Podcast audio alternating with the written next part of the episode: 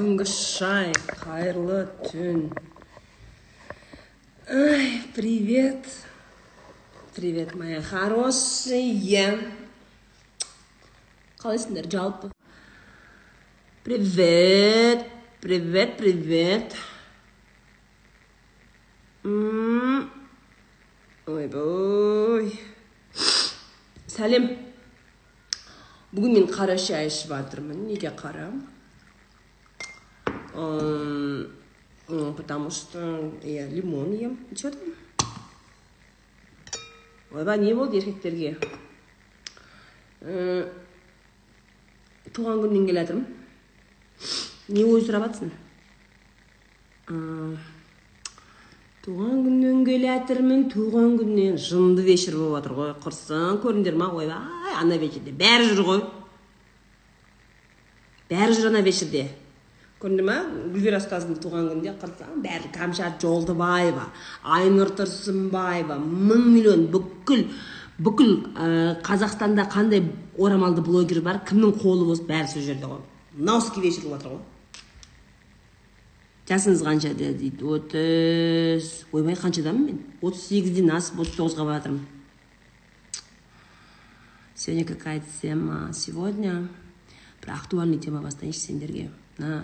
Хиджаб пен жаңағы орамалдың проблемасын айтып берейін да сендерге? Өзімнің ойымды білдірейін бәрі менен сұрап жатыр бәрібір. Маған ә, шығады жекеге жазады осы жаңағыдай динара саджанның айтқанына не дейсіз? Ойыңыз қалай бір бәле деген бәрі айтып жатыр. Айтайыншы болыпты не не стоит? Әңгімені жіберткіз депті «М, роза вы такая классная но мужа не показываете дейді почему? Потому что он не хочет.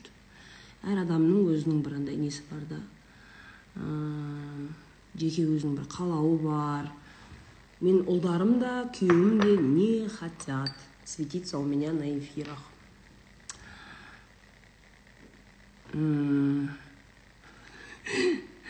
Бес туған күннен келе жатырмын ғой жаңағы. Короче комментарий жазасыңдар жаза беріңдер. Короче.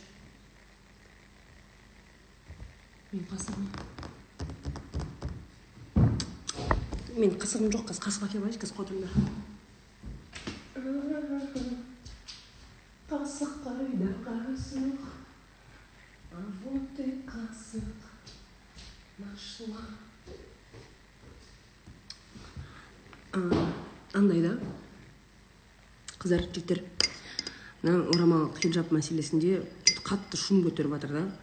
Мне если честно это не нравится. Маған ұнамайды осындай шум жасап жатқаны осындай нәрседегі ә, осындай бір мысалы да адамның қалай киінуі ол өзінің жеке ә, жеке басының қалауы. Жеке басының қалауы да ол. Әркім өзі біледі мини кие ма шалбар кие ма орамал кие ма әркім өзі біледі да. Понимаете? И мына заманда мына қазіргі заманда ә, сенікі дұрыс сен дұрыс киінбедің сен бүйтіп киін деп біреуге айту ол дұрыс емес. Мынандай жақсы сөз бар да.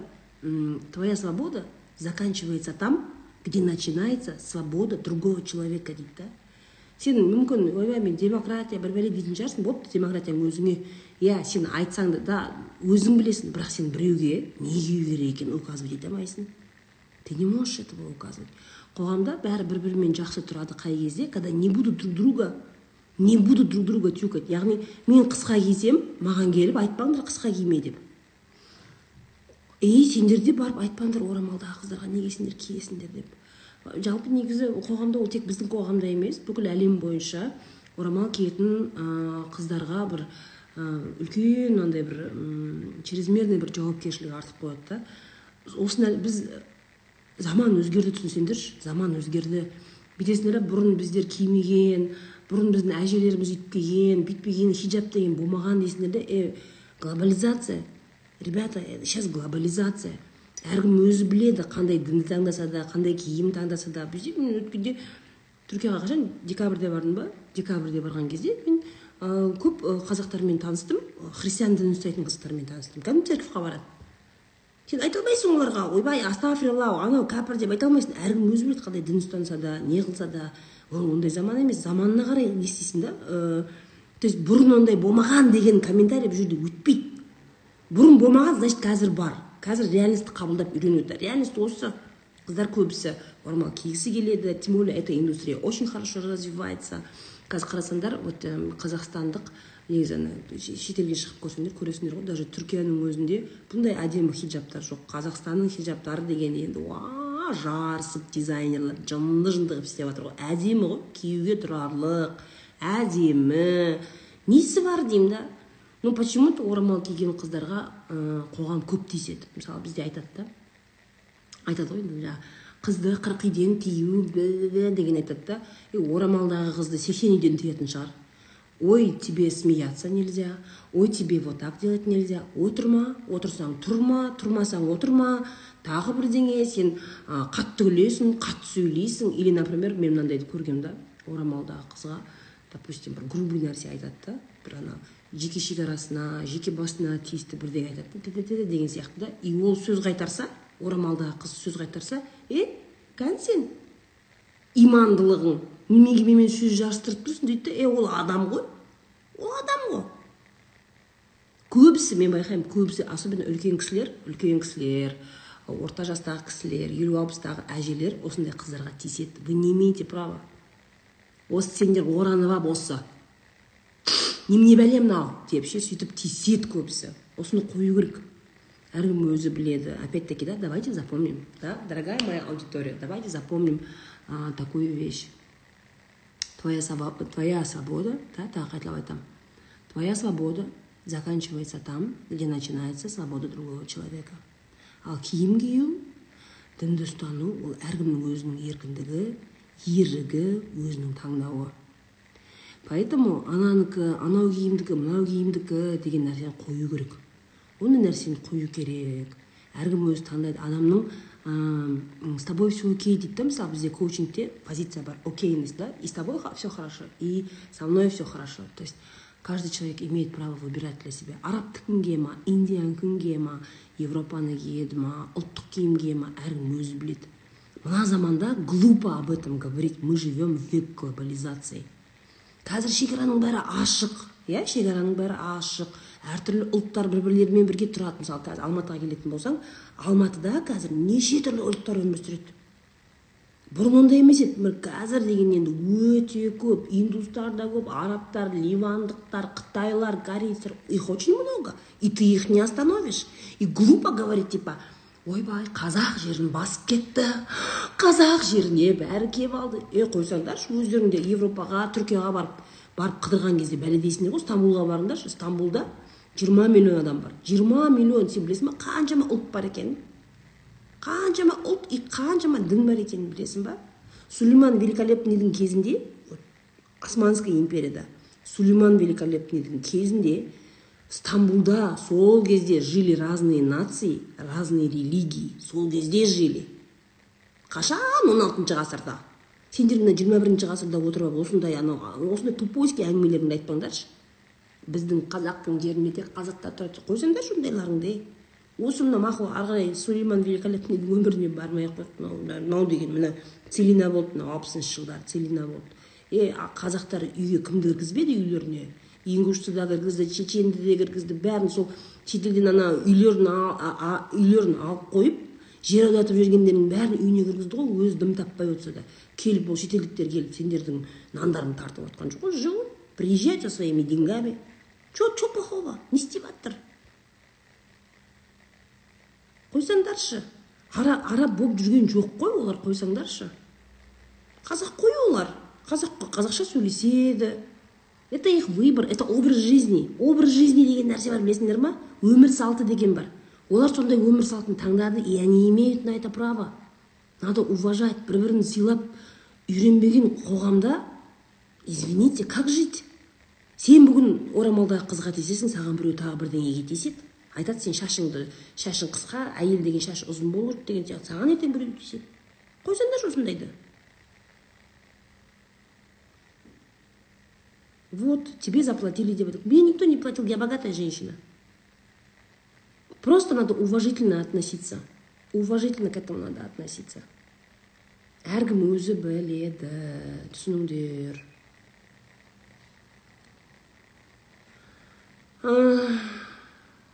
и адамдарды бөлуге болмайды әркімнің ә, сенімі жүрегінде ол ішінде біреу ә, біреудің сенімі может сырт көзге көрініп осындай ә, орамал тағатын шығар біреудікі ішінде шығар. Оның кімнің сенімі мықтырақ екенін сен білмейсің. Сен ондай таразың жоқ ондай есептейтін нәрсең жоқ. Сен біле алмайсың. Сен адам оны есептей алмайды.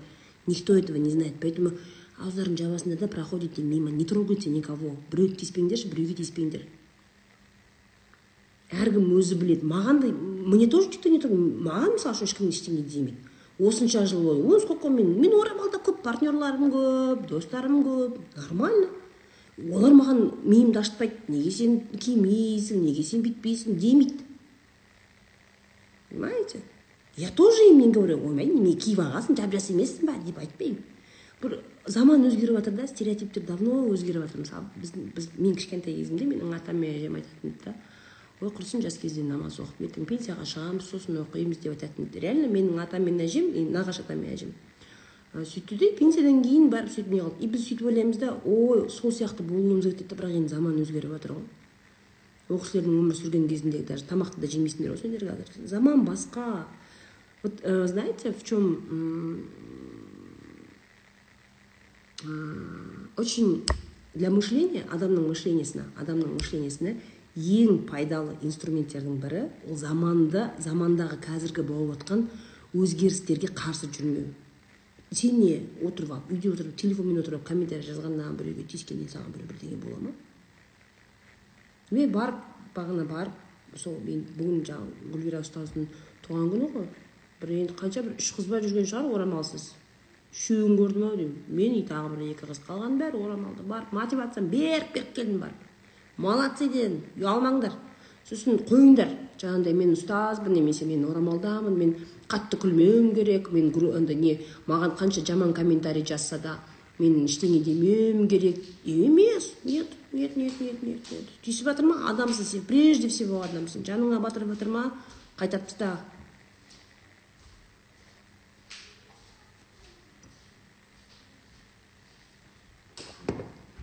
не лезьте в жизнь других людей. Но я вам скажу вот что. Бұндай нәрсе мысалы басқа адамдардың өміріне килігу деген нәрсе ол қазір пайда болған жоқ. Просто қазір әлеуметтік желі активный болғаннан кейін көзге көрінеді адамдар более активный әрқайсысының қолында телефон бар комментарий жазады. Ал негізі адамдар осындай бір біріне тиісу бір бірінің өміріне килігу деген нәрсе баяғыдан бар. Я вас понимаю в этом плане. Бара бара афганистан болмаймыз уайымдамаңдар. Афганистан болу үшін мысалы афганистан қалай афганистан болды заң өзгерді. Оларда заң өзгерді. Егер бүйтіп тарихты қарайтын болсаңдар афганистан бұрын абсолютно светская страна была. У них поменялись законы.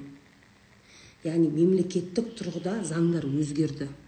Иә конституциясы өзгерді. Бәрі өзгерді олар чисто шариғаттың заңын заңдастырды да қазір по моему саудовская аравия так живет саудовская аравияның иә саудовская аравияда за, олардың мемлекеттік заңға заңның негізі ретінде шариаттық заңдар қойылған. Бізде ондай емес қой.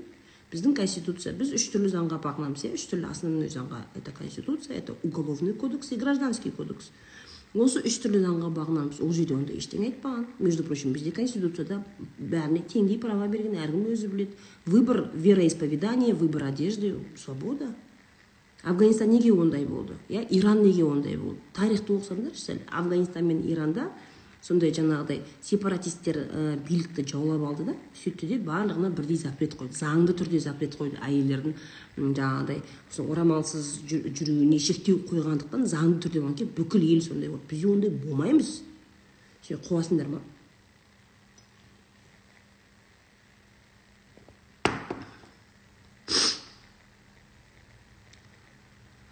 Как не быть эмоционально зависимой от парня? Надо заниматься своей собственной жизнью, перестать э, окружать свой мир только этим мужчиной. Мысалға, э, эмоционально зависимый э, сендер қыздар, любой қыз эмоционально зависимый болып кете жігітке. Любой қыз. Э, это когда ты весь свой мир окружаешь этим человеком. Сен азаннан кешке шейін оның соцсетін қарайсың.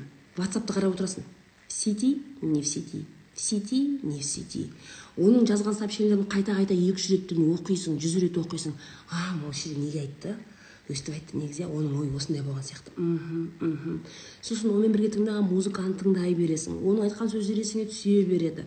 Оны бір білмеймін бір андай мынандай бүйтіп возвышать етесің да бүйтіп ше. Бүйтіп ана ана бүкіл өміріңді сол адаммен толтырып тастағаннан кейін сен эмоционально зависим боласың да. То есть получается твоя жизнь все твое информационное поле заполнено только им. Бір сериал көрсең де бір сондай ұқсайтын сериалдар әдейі сен сен өзіңді накручиваешь сондай ұқсайтын сериалдарды көре бересің. Ты в голове у себя вот это пластинканы жуешь жуешь жуешь не делай так. Өміріңді қызықтырақ қылшы басқа нәрсеге айналдыр кішкене. Кітап оқы кино көр адамдармен аралас шығып кет үйден шығып кет барып қыдырып кел қыздарыңмен подружкаларыңмен қыдырып кел и жігіт туралы сөйлеспейміз деп айт. Все встречаемся сегодня встречаемся и бүгін вообще махаббат жігіт туралы сөйлеспейміз біз бүгін басқа любая другая тема но только не про парней деп сөйтіп келісіп алып қыздармен сөйтіп и ты эмоционально зависима, потому что весь твой мир заполнен этим человеком. Просто не заполняй.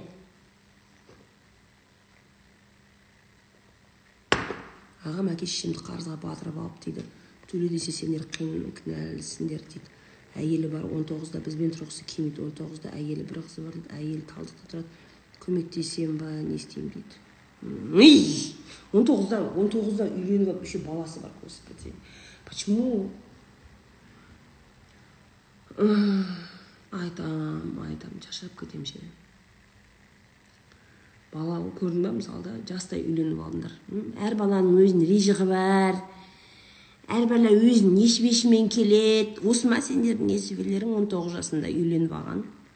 Баласы бар ақша таппайды өзі де қатыны да сөйтеді да азаннан кешке шейін әке шешесінің қанын ішеді еще жаңағыдай қарындастары бауырлары еще э, должны ему потому что извините он в 19 18 лет захотел легально трахаться извините да? Женился на такой же безмозглый как он сам. Родили ребенка енді екі бөпе бөпе туып алып басқа семьяны қинап отыр. Это вы так называете типа әр баланың өзінің несібесі бар ризығы это вы вот это называете или как? Мына ойланбай туу деген осы емес па? Сіз көп біліп ақыл айтасыз осылардың барлық басыңыздан өтті ме дейді. Как вам сказать? Я очень наблюдательный человек. Я живу среди людей. Мен адамдарды бақылаймын. Туған туыс достар одан бөлек маған дайректке мың миллион история келеді мен дайректте сөйлесемін ғой сендермен сендердің сұрақтарыңа жауап беремін ситуацияларды білемін оның бәрі опытпен келеді мен бес жылдан бері бес жылдан бері сендердің проблемаларың қазумен келе жатырмын ғой бес жылда мен қасқыр болмағанда кім қасқыр болады айналайындар ау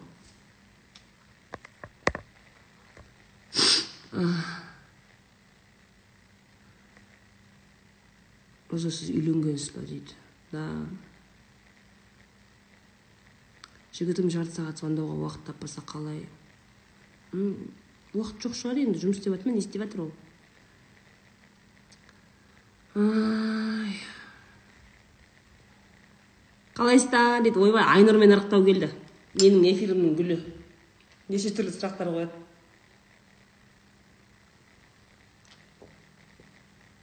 хиджабта хиджабты қолдамаңызшы сақалдылар теріс ағымдылар ғой дейді гүлназ. Олай айту дұрыс емес.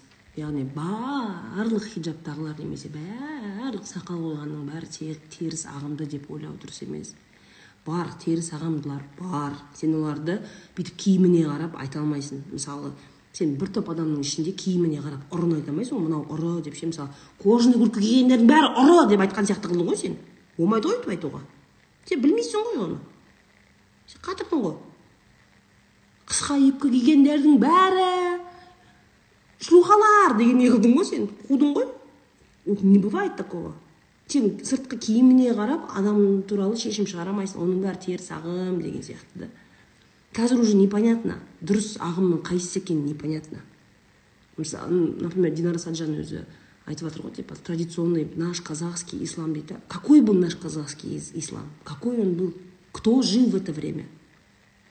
Кто жил? Сол баяғыда мысалы біздің біздің ол заманда кім тұрды? Қазақша ислам деген ол қандай? Білмейсіңдер да ғой. Ешкім білмейді ғой. Традиционный ислам деген қандай? Не традиционный деген қандай? Это уже все смешалось. Ештеңе дей алмайсың уже таба алмайсың уже. Оның артын қазып уже смысла нету. Каждый делает так как ему удобно как ему комфортно. Енді оның ішінде олардың ішінде теріс ағымдағылар болатын болса енді бір бәле қылып табар енді ол біздің жұмыс емес ол кмб ның жұмысы. Қатты терлемей ақ қойыңдаршы ол үшін мақма.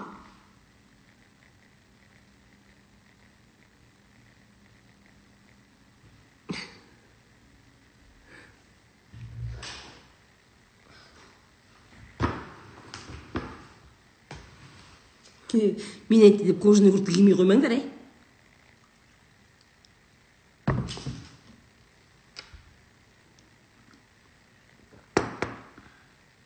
Жігіт мені жақсы көреді прям айтпаса да түрінде жазылып тұр. Тормоз етіп жүр не істеуге болады. Кім искакова? Пока адам ә, міне аузымен айтпағанша мен сені жақсы көремін немесе ұнатамын деп аузымен айтпағанша ты не можешь понять ты не сможешь этого понять никогда может ол барлық қыздарға сөйтіп қарайтын шығар жақсы көретін көздермен ше бүйтіп ше вообще қыз көрсе еріп кететін шығар. Сен өтірік пал ашып отыра бермесейші пока саған міне аузынан шығып айтпады ма даже не надейся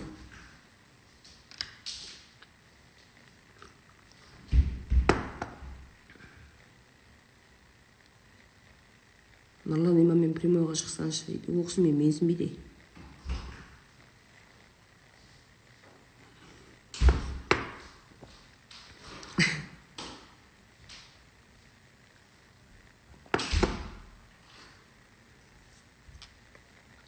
роза ханым күйеуім іші баса сен дейді үйреткен. Сен не? Сен үйткен сен бүйткенсің деп мені ұрып жағанымды ауырта береді. Ұрама сені прям сен менсіз ешкім емессің деп. Меру ішіп алған кезде вот ішу уже скандалға дайындалып жатыр ма? Дайындалып жатқан кезде телефонның камерасын қоясың да бөлмеде көрінетін қылып штатив алып қойса алмасаң да штатив алмасаң да мындай бір нәрсеге тіреп қой стенаға ма?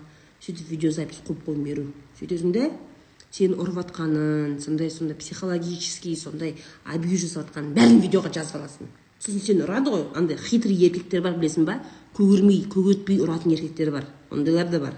Сен сырттан жазып аласың. Подоконникқа ма бір бәлеге қойып қой телефонның видеозаписін сөйтесің де енді ішіп ішіп жаңағы қуып біраз не қылады ғой соның бәрін түсіріп алғаннан кейін полицияға барасың меру.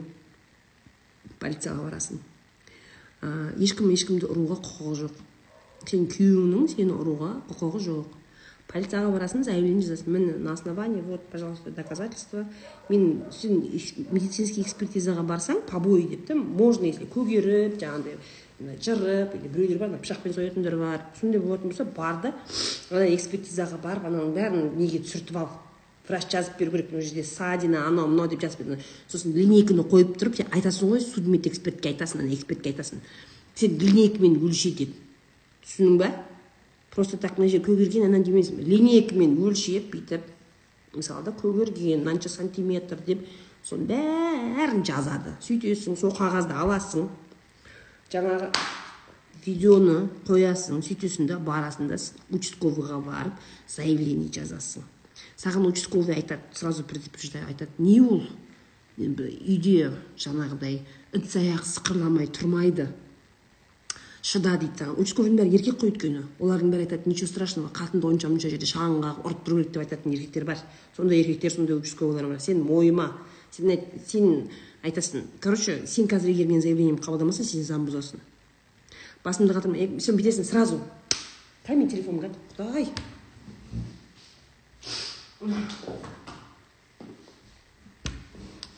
Сен бүйтесің телефонды аласың да майор бүйтесің түсіресің. Камераңды қос та жаңағы участковыйға майор ма? Кім? Майорлар участковый кім болады капитандар отыра ма?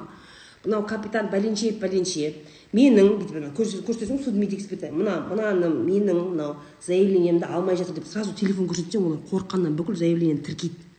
Сөйтіп заявлениені тіркейді да барады да сенің күйеуіңмен барып сөйлеседі. Заң бойынша сотқа баратын болса ол бүйтеді заң бойынша бізде бізде енді нет у нас закона о бытовом насилии но бірінші рет предупреждение береді. Бірақ ол уже учетта тұрады. Екінші рет сенің күйеуің тағы ішіп алып сені ұратын болса тағы түсіріп аласың тура жаңағыдай істейсің да жаңағы неге барып түсіресің мына жаңағы көгергендердің бәрін түсіріп лох болма меру таяқ жеп жүре беруге болмайды. Сөйтесің да уже екіншісінде барған кезде оны он бес суткаға өткізеді не қылады. он бес суткаға отырғызады. Он будет злой. Он будет злой он будет такой айтасың енді прости меня бить нельзя мен адаммын в первую очередь ты не имеешь права. Ішіп алсаң да басқа да ішіп сосын андай меру андай отмазка өтпейді андай еркектер бар. Өтірік андай не қылады өтірік азанда память жоғалтатын еркектер бар. Не болды өзі кеше меру че то қатты ішіп қойыппын ғой меру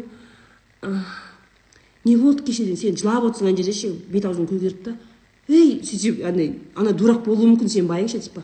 Ей не болған түріңе кім деген кезде сен деп айтасың ғой сенбеуі мүмкін сол үшін любой жерде телефонмен отырсыңдар ғой ақыры жазып алыңдар ол өтірік жаңағыдай не істейді амнезия болып жаңағы білмей қалып деген сияқты қатты бол миру смотри не сен қатты боласың сөйтіп байыңды наказывать етесің оған жаңағыдай көрсетесің оған ше не өмір мынау таяқ ол қазір ішіп жүрген кезде ұрып жүр ма ертең трезвый кезде ұрады он не перестанет. Эта ситуация будет ухудшаться. Поэтому қазірден бастап осыны жаса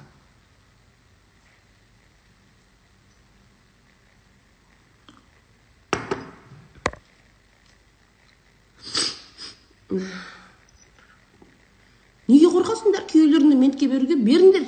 Олар ұрған кезде ұрған кезде олар не қылмайды ғой ұялмайды ғой. Немене сендер ұялып қаласыңдар таяқ жеп отырып Муж ни разу не навестил дочку. Теперь через просьбы мамы хочет увидеть на минут пять. Что делать? А сколько лет ребенку? Как наказывать мужа? Урама? Ұрса жаңағыдай санаспа коллективпен қалай тез тіл табысып кетуге болады? Жүрген жерім комплект жеке шекарама өтетін сияқты болып көрінеді. Бірдеңе деп айта алмаймын саған. Может өзің бәлеқор шығарсың бабник қайта қайта саған не дейді? Саған сезімін білдірсе не істейміз дейді. Не істейсің? Жансая не істейсің? Сынғың келіп тұр ғой ана бабникке. Сынғың келіп тұр ғой сен ана іште бір андай үміт бар да. Ой. Вдруг ол именно маған келген кезде қатын қуалағанын қойып кетеді. А вдруг а вдруг деп отырсың ғой жансая сен примерно. Қатын қуалағанын именно маған жолыққан кезде маған ессіз ғашық болып бүкіл қатындарды ұмытып кететін сияқты я деген сияқты сөйтіп отырсың ба? Ондай емес. Расслабься ондай емес. Ну если тебе окей если он потом ну короче ты с ним встречаешься потом он еще налево направо куда то ходит. Саған окей болса жүре бер.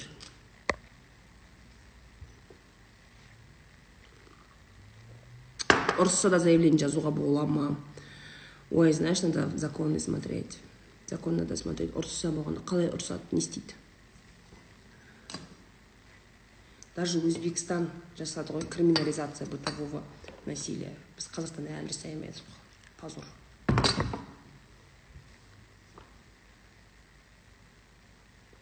Не бір бірлеріңе совет беріп өл басында мына жерде Спасибо, Алтуша, спасибо.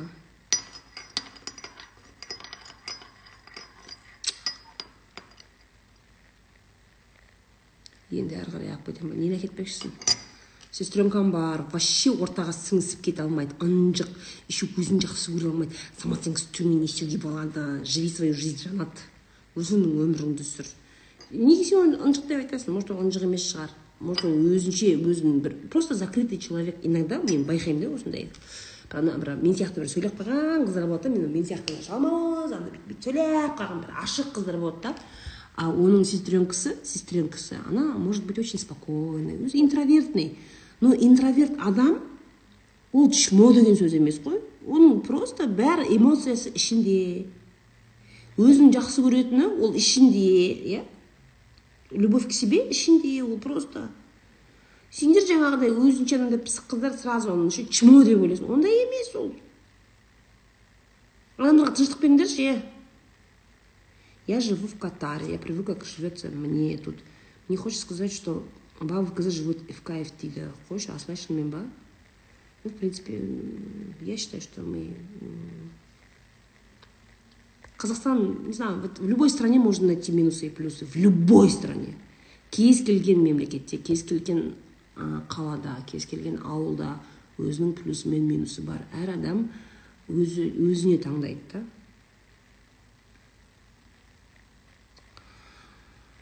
Роза ханым бөлек шық шық деп күйеуім менеджер ташкентке жұмысқа шақырып көшіп кеттік бөлек шығып енді айлада жүргендеймін екі баламен.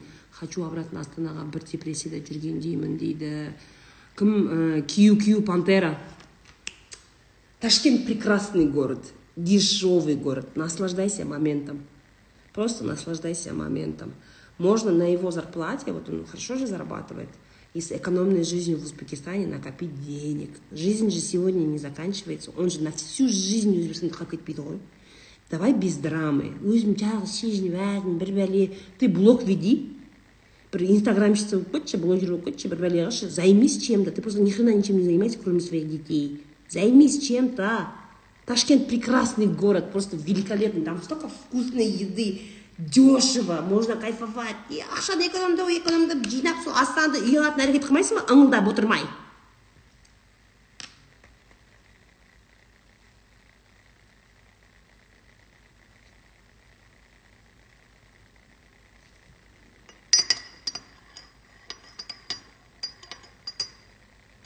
розахан папа мама татырмам қаламын как будто как будто менен көмек күтіп отырған сияқты. Дейді неме? Роза ханым папам папаң алматыда тұрғанымды қаламайды дейді. Как будто менен көмек күтіп отырған сияқты дейді. Не көмек беру керексің сонда сен алматыда тұрып? Мен түсінбедім.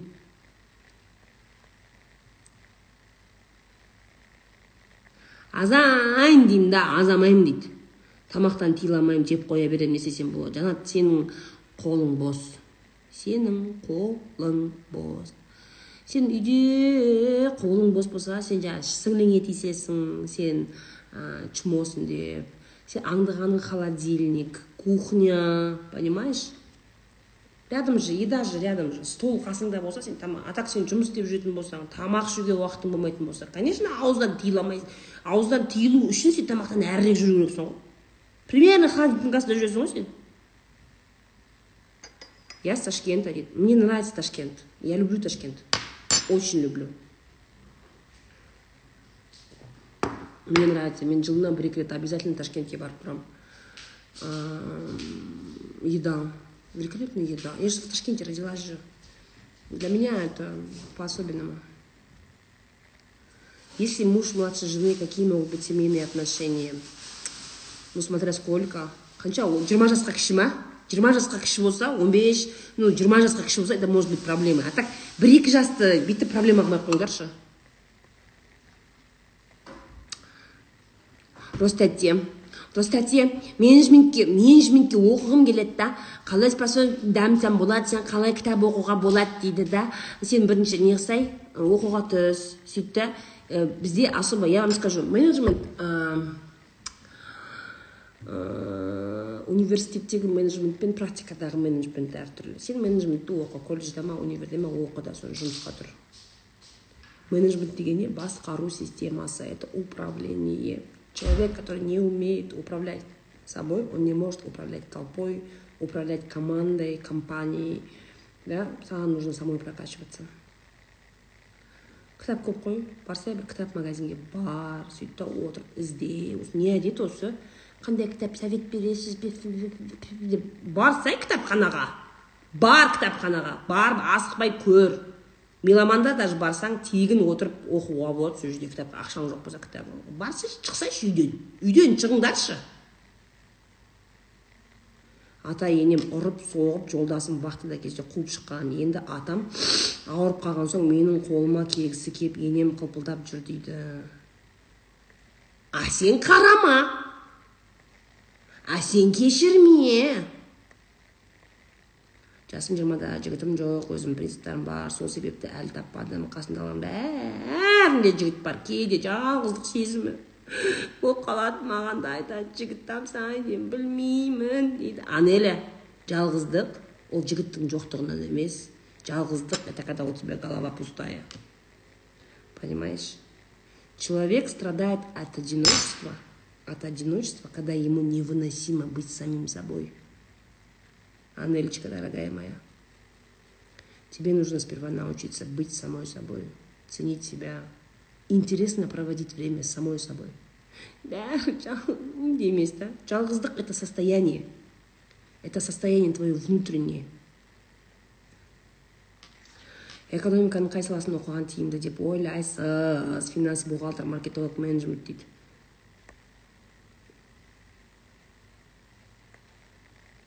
вы такие странные мындай мәселе да? Мынандай нәрсеге жүгірмеу керек та қазір не мода болып жатқан қазір мода болып жатқан мамандық қандай деп жүгірмеу керек та мысалы кезінде мен оқуға түсетін кезде мода еді ғой юрист болу и банкир болу ше ма адамдардың бәрі банковский деломен юридическийге түскен жоқ па. Тас лақтырсаң юридке тиеді кәні одан бізден бізде мысалы именно юриспруденция саласы мықты болып кеткен жоқ. Бізде әлі де заң саласында өте слабый специалисттер өте көп. Кәні мен менімен бірге оқуға түскендер қырғын түсті ғой бәрі. Мода болған сол кезде. Ойбай нефтяникке түскендер айтсайшы құрсын как будто бәрі барып атырауға барып бастық болып кететіндей бәрі ше. Қырылып оқыды кәні так что мода қайсысы дұрыс деп емес өзіңе жақынын таңдап оқу керек. Как правильно ругать мужа дейді. Осындай сұрақ болады деп ойламаппын. Топсыңдар ғой негізі. Ше топсыңдар ғой. Фантазияларың деген шексіз ғой шіркін. Неше түрлі сұрақтарға.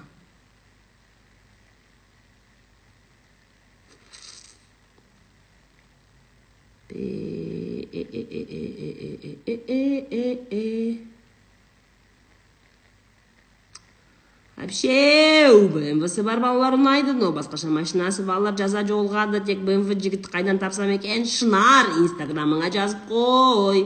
Әдемі қылып сурет салып қой өзіңнің аваңды жөндеп. Күшті қыз күшті сурет қойып қой мынандай сөйтіп прямо аваңа жазып қой. Тек қана бмвсы бар жігіттермен танысамын және сөйлесемін деп қой болды. Сіздің эфирлеріңіз көп депрессиядан шықтым дейді пайдалы болсын. Абьюзер ішкіш ақша таппайтын байымнан ажырасқым келіп жүр. Бірақ он жастағы балама түсіндіру қиын болып тұр айтсам жылайды дейді. Смотри джамиля джамиля смотри. Отношения с твоим мужем это отношения твои с твоим мужем. Сендер ажырасқаннан ты должна объяснить ребенку сендер ажырасқаннан олар сен, сендердің әкелерің болмай қалады деген сөз емес қой да? И бұл дұрыс емес тактика. Ол дұрыс емес тактика яғни бала сен үшін шешім қабылдай алмайды. Яғни бала қазір манипуляция жасап ешқандай бала әке шешесінің ажырасқанын қаламайды. Но тебе сложно. Они тебе потом спасибо не скажут ты знаешь да?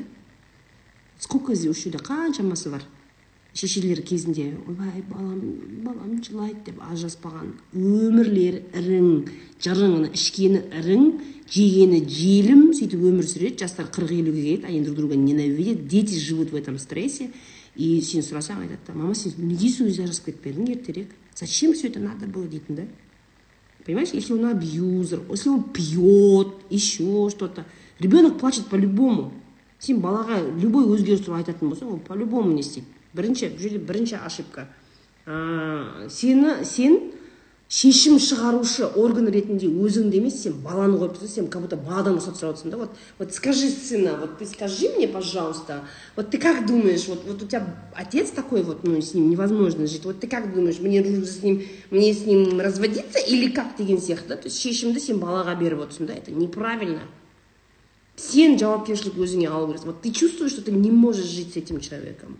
Не живи. А ребенку объяснишь. А ребенку ты говоришь так ребенок От того, что мы развелись, он не перестает быть твоим отцом.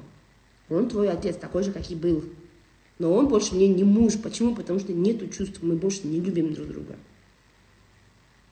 И это нормально. сол дұрыс түсіндіру керек та сен то есть сен шешімді қабылдайсың шешімді қабылдайсың әрекетке барасың сосын балаға түсіндіресің а не так что вот ты как ты думаешь сына как ты думаешь я должна это сделать скажи мне деп сен баланы баланы қинап отырсың ғой сен қазір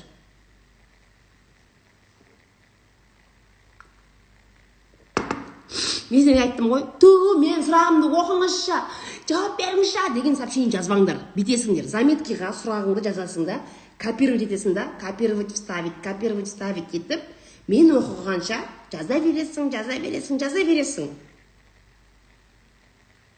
сол ғой неге сол кезде ажыраспады деп ойладым ну все так дети говорят консультация болады консультация бермеймін бәріміз айттық қой солай дейді вот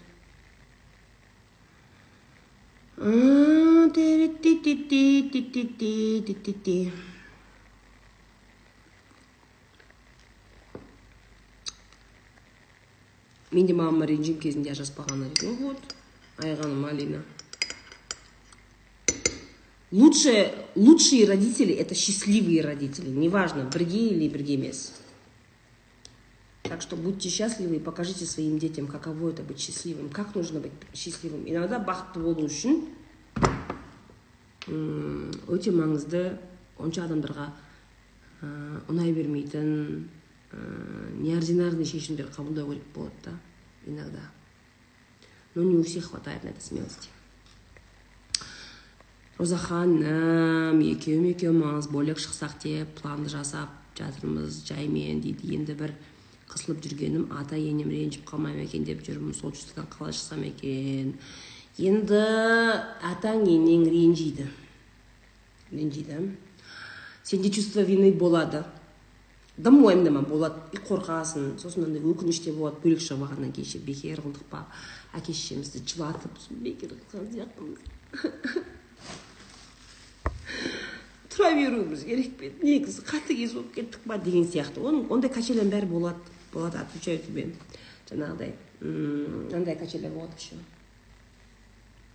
өздері ақ батасымен шығарып салса бізді бөлек шығарса деген ожидание болады болмайды ол дайындал будет вот это и чувство вины будет эмоциональные качели будут обвинения будут обиды будут конфликты будут шығады атаң менен нең мына екеуі бәсе осы үндемей ана індерінен шықпай бөлмесінен шықпай қалады мына екеуі.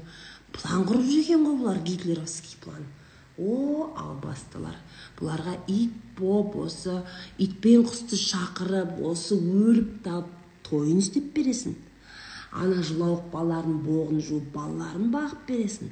Бұл бұл екі арам шешектің ойлары осы екен ғой. Ана қатын ба сенің миыңды ашып жатқан а? Баласына баласына будет нападать.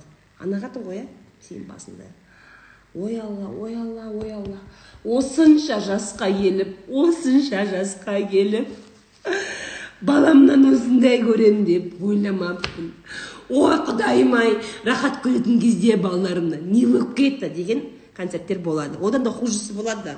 Ана жаңағыдай жүрегім жүрегім деген болады. Бәрі болады. Сосын қайнапаларың келіп сені жұлып кетеді келіп. Қайнапаларың келеді саған келіп жұлып кетеді. Оңбаған қатын оңбаған қатын. Так знала так знала сен менің інімнің басын айналдырып жүрсің ғой сен иә. О сайқал сайқал сайқал. Білдік білдік. Кезінде алмау керек еді бұл қатынды бар кетесің ба бөлек өзің кет. Бармайды інім сенімен бірге дейді жаңағы қайнапаларың келеді сен. Дайындал дайындал. Ол да болады. Сосын жаңағы бәрі келіп короче сені жуады ғой бәрі жуады бәрі ренжиді саған скандал бәрі болады. Мықты бол. Все будет. Самое главное чтобы твой муж не передумал и этот все все это напряжение выдержал. Бәрібір сен виноват боласың сен жалмауыз боласың сен ә, сен жаңағы әлемдегі ең нашар адам сен боласың. Так что мирно тихо бөлек шығып кетемін деген болмайды ол. Даже не надейся.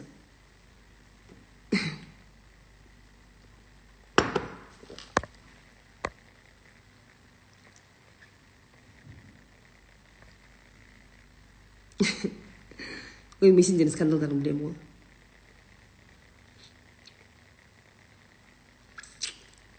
роза әпке мен жан құрбым өзін әдемі емес санаудың орнына мені әдемі санайды мені фото түсіргенде өтірік түсіре салатын болыпты еще көп ұрсамыз тастап кетейін десем де жүрегім қатты ауырады басқа подружка тауып ал басқа сені әдемі қылып суретке түсіретін подружка тауып ал ол подружка дос дегендер ол сол олар келеді кетеді. Они не всегда будут в твоей жизни не переживай. Люди уходят и приходят в нашу жизнь. Сен әрқайсысына осындай депрессия ұстай беретін болса дымың қалмайды ғой жаным ау роза ханым я очень тревожный человек өткенімде мынаны былай емес былай істеу керек еді былай айтпай былай деп кінәлай беремін как избавиться от этого надо на работу устроиться фариза жұмыс істеу керек жұмыс ана миды жаңағыдай самокопанияға емес жұмысқа арнау керек родить для себя стоит после 30 я не знаю я в этом не советчик я не хочу выходить из дома, боюсь мира, читаю новости. Так много страшного происходит. Вот и не выхожу лишний раз никуда. Как мне побороть этот страх? Надо идти к психотерапевту. Понимаешь, вот эти вот а, чрезмерные страхи, панические атаки, боязнь социума, это все работа психотерапевта.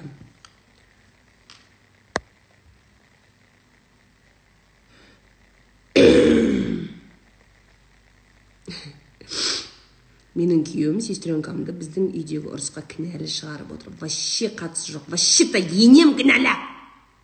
Не қыл дейсің енді сұрағың қайда? Мамамның не дейді? Қанға айтқан дейді. А, қанша айтқанын ба? Жағдайын жасасақ та балаларына қарап ұлиды балам балам деп. Почему наши мамы так сильно обесценивают своих дочек? Фу балжан бір пәлсапалық сұрақ қойдың ғой сен.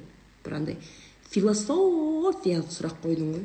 Понятно почему? Понятно почему? Потому что это послевоенное поведение людей это вот так вот было соғыстан кейін бәрі ұл ұл деп ойбай ұрпақ деген тема болды ғой сол әлі келе жатыр ғой шешелеріміздің басында бар ол тема Про свой опыт выхода отдельно расскажите. Мы просто переехали, потому что надо было зарабатывать деньги. Все. Біз ауылда тұрдық қой. Ауылда на тот момент тогда 2011 это екі жыл бұрын ба тогда не было возможности зарабатывать больше денег да налаживать себе жизнь. Поэтому понятное дело ақша табу керек деген кезде ойбай деген жоқ мүмкін у меня атам мен енем адекватные люди бір жігітпен таныстым. Кездесіп үлгермедік. Ол жарысқа кетті. Жарыстан соң ауырып қалды. Больницада жатыр. Көрмеген адамды іздеп барғаным дұрыс емес сияқты. Ол бірақ біртүрлі болып қалған сияқты. Прокатшым барудың қажеті жоқ. Нормально. Біртүрлі болып қалған сияқты емес. Это тебе кажется потому что ты ана өліп бара барып жаңағыдай спасать еткің келіп жаңағыдай ше пакетке кефир банандарды салып барып деген успокойся. Пока не виделись ничего страшного. Қатты неғылғың келіп тұрса жаңағы беремін деген затыңды ал ба бер жер. Жырғыңдамай отырыңдаршы бір жерлерде неғыла бермей так роза ханым комфорт зонадан он бес жасымнан бастап шығып жұмыс жасадым почти барлық жұмысты жасадым. Жақында шетелге оқуға кетемін бірақ қыз болсам да ата анам қолыма қарап отырады. Ағам жай жүреді оқымағанда дейді енді әсем сұрақ қайда? Астана қаласынан жұмыссыз адамдарды мемлекеттік программамен жұмысқа аламын официально алматы астанаға. Кім кім кім кім? Маржан. Хочешь я тебя заблокирую? Хочешь я тебя заблокирую? Сен неғып ондай өтірік маржанға жазылмаңдар е. Өтірік айтады осындай аферисттер көп қазір. Мемлекеттік жұмыс анау мынау дейді да өтірік пирамида бір бірлерге тығып жібереді. Маржан тағы да если реклама жасайтын болсаң быт шығарамын. Мынандай мәселе. Я вам скажу еще раз. Мені тыңдап отқан микроблогерлар блогерлар менің рилстарым астында реклама жасағандар моментально черный списокқа кетеді аккаунт, я блокирую аккаунт, и все возможные аккаунты, которые может создать этот человек в будущем, тоже я отправляю в блок. Дорогие мои, не делайте рекламу на моей площадке. айтып қояйын алдарыңнан өтіп любая реклама идете в блок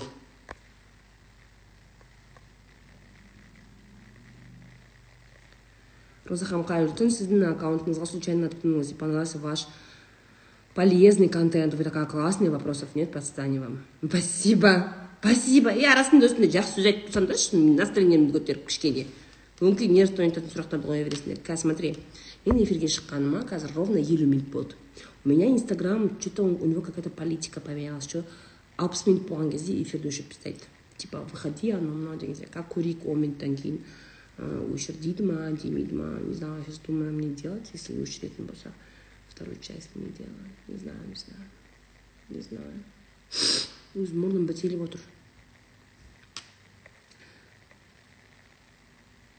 роза ханым сестрам в долгах родителей тоже кыргызда не істеуге болады это проблема твоих родителей твоей сестры успокойся роза ханым эмоциональное выгорание сабағын көрдім маған көп көмегін берді Енді жалқаулық басып кете береді жұмыс жасап курс оқиын десем кейде жалқаулығым ұстап қалады.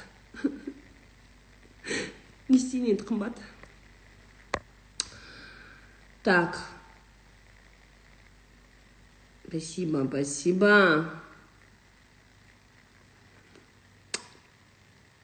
Роза ханым қарыз ақша алып сетевой бизнес бастаған дұрыс бола ма? Бизнесті қарызға бастамай ақ қойыңдаршы өтініш. К сожалению по статистике те кто қарызға алып бизнес бастағандар ішінде повезлолар өте аз да. Больше всего тех кто не повезло.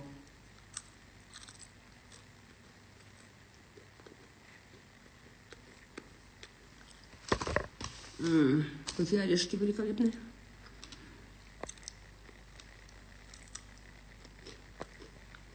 Енем күн бермей жүр түскеніме үш жыл. Бір бөпем бар. Бес ай. Балаға қарап көмектеспейді ұрса береді. Күйеуім жуас дейді қандай кеңес бөлек шығыңдар как строить хорошие отношения с мужем если он параноик а я истерик? Инешка нарцисс дейді. Алтынай комбо жинапсың ғой сен комбо роза кеш мен де сізді момский әңгімеден көріп тіркелдім. Қатты ұнап қалдыңыз рахмет четкий человек дейді спасибо спасибо те кто пришел с подкаста. Момский әңгіме барып көрдіңдер ма? Кім? Қыздар жігіттер барып момский әңгіме мен соңғы жасаған подкаст қонаққа барып келдім барып соны көресіңдер да. До конца көрмесеңдер де неважно көрсең де көрмесең де барып комментарийға мені мақтап жазып кетесіңдер. Молодец осы роза шырбаева деген мә мықты ғой басы қатты істейді мықты коуч деп барып мені мақта жақтырмасаң да барып мені мақтап кетіңдер. Дұрыс қой енді. Мен бір жақсылығымды асырып жамандығымды жасырып сөйтіп сонау жұмыс істемейтін байларыңды да мақтап отырасыңдар ғой осы отағасы біздің папамыз балаларымның әкесі асыл тұқым мырзам деп осы жұмыс істемейтін байларды мақтап отырасыңдар сол жаққа барып менің жамандығымды жасырып жақсылығымды асырып барып комментарий жазып кетіңдер барып. Пайда пайдалардың дейсің барып кішкене лайк қойып ше астына мен мақтап подкаст көрмей ақ көр негізі көр ше көр. Көр пайдалы нәрсе көп айттым сол жерде. бірақ көруге уақытың болмай жатса да барып комментарий жазып кет спасибо.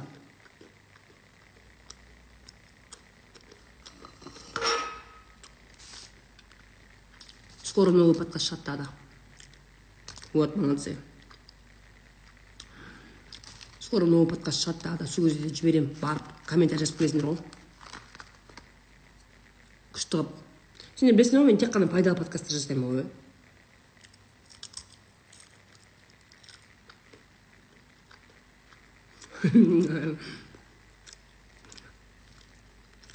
рахмет.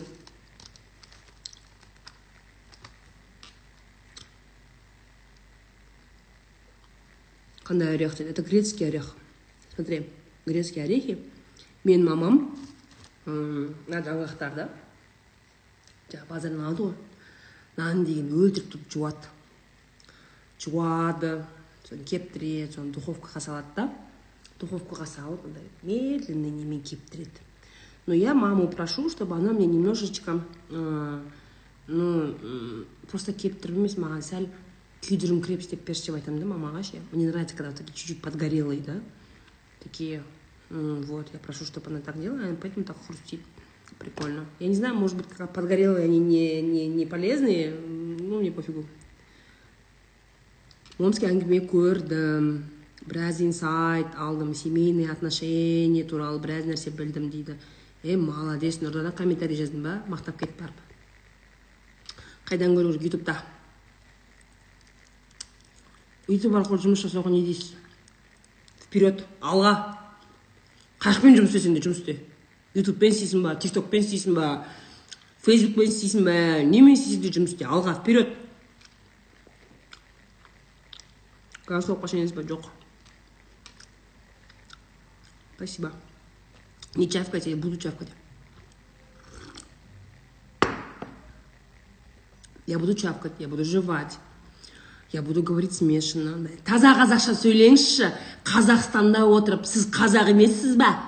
ә дейтіндер мен шала қазақша сөйлеймін орысша қазақша араластырып сөйлеймін мен шайнап сөйлеймін деп сөйлеймін если вам это не нравится если вас это раздражает не сидите на моем эфире не не не этот не э, не нервничайте из-за меня это того не стоит выходите из эфира кете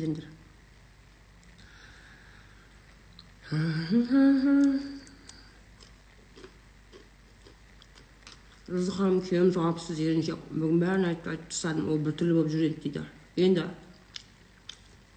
бекер айттым деп отырсың ба енді главное пайда шығарса болды ғой неважно. Тиндер қашан ну нормальный анкеталар келген жоқ жігіттердің анкеталары жиналған жоқ. Жиналсын да нормально. Подкасттың аты қандай? Момский әңгіме. Жақын арада шетелге шығасыз ба? Иә. Мен даже шыжым шапка титкеніңізді байқамаппын дейді. Доктор айтып жатыр нормально деп жатыр докторлар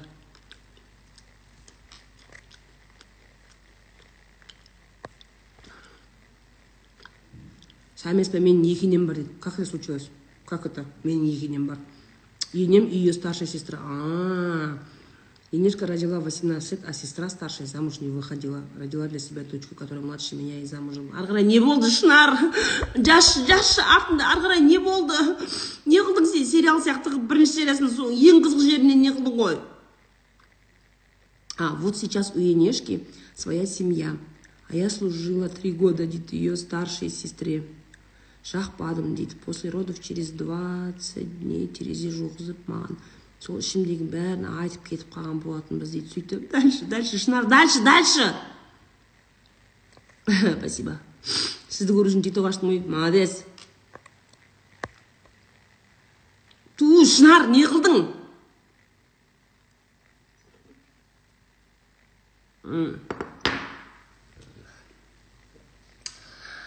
Ой.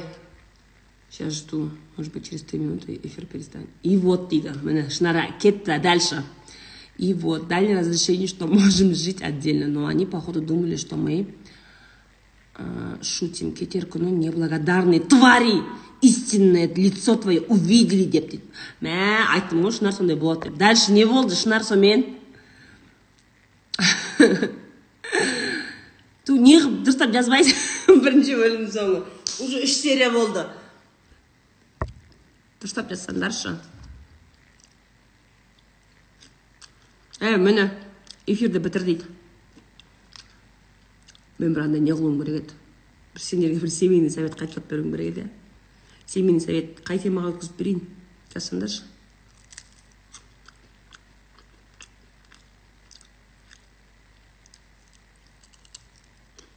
бір жарым бір минуттан кейін эфир бітеді.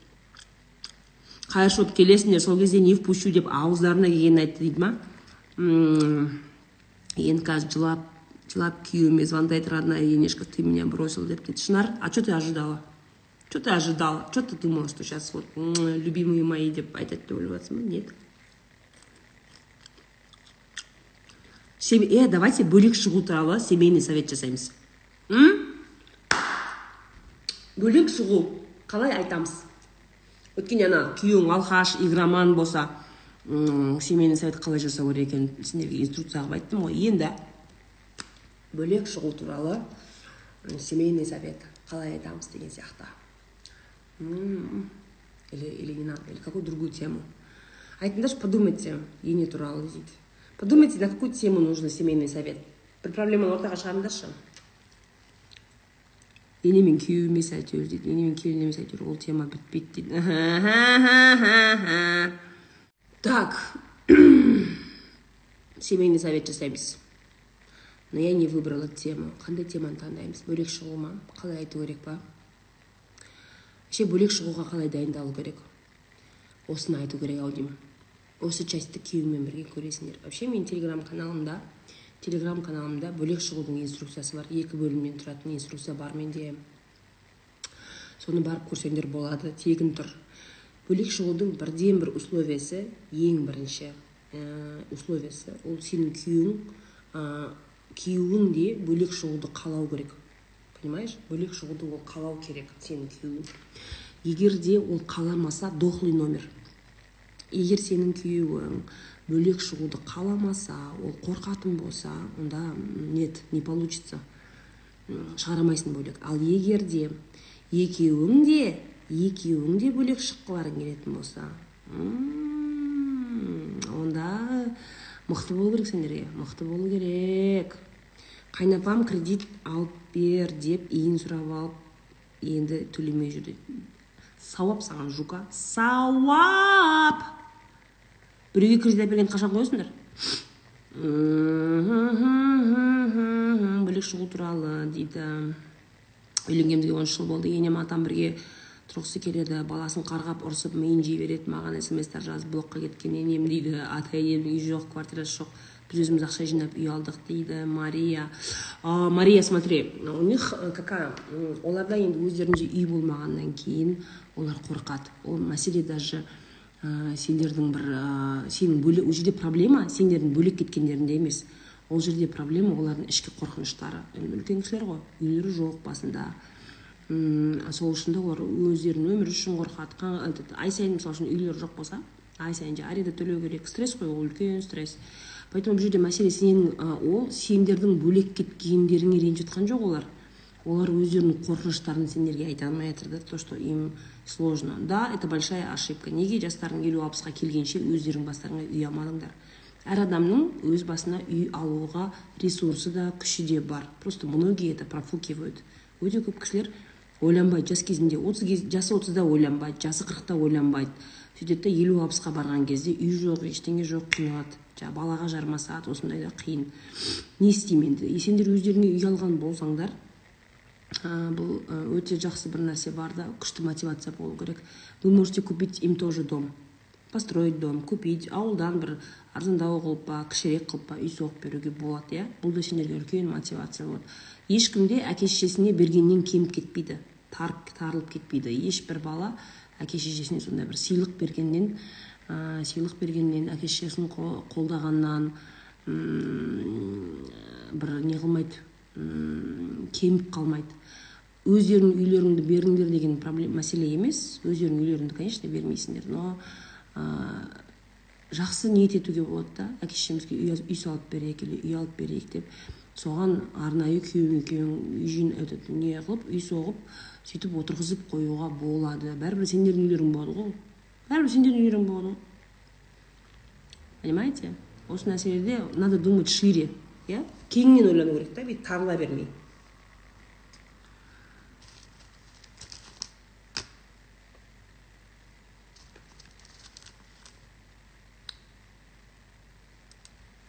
Дауыс жоқ дейді.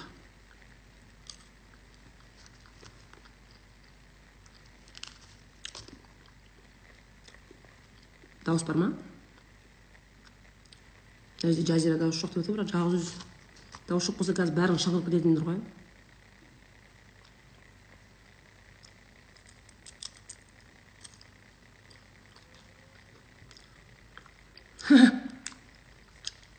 Мындай сұрақ.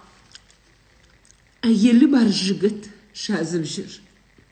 Жазба қайта бойдақ досыңмен таныстыр десем де болмайды. Ты зачем с ним общаешься? В смысле? Жазбашы? Неге маған жаза бересің? Жазбашы сен одан да мені өзіңнің бойдақ досыңмен таныстырсайшы. Ты нахрена ты с ним общаешься? Тауметова ты дура? Құртсай көзін. Құры қатыны бар екенін білдің ба до свидания ол неменеге оның досын сұрап отырсың одан еще больше әңгімені көбейтіп е қыздар тыныш жүріңдерші біреудің байымен сөйлеспей қатыны бар екенін білдің ба до свидания все досын да сұрама оның басқасын да сұрама құрып кетсін жазба жазбасайшы маған одан да бойдақ досың телефонын берсеші осындай кезде осындай кезде тупойский флирттарыңды қоспаңдаршы пожалуйста осы нормальный жігіт деген кезде майысып осы флирттарыңды қоспайсыңдар ғой томырайып отырасыңдар. Зачем? Вот зачем это нужно?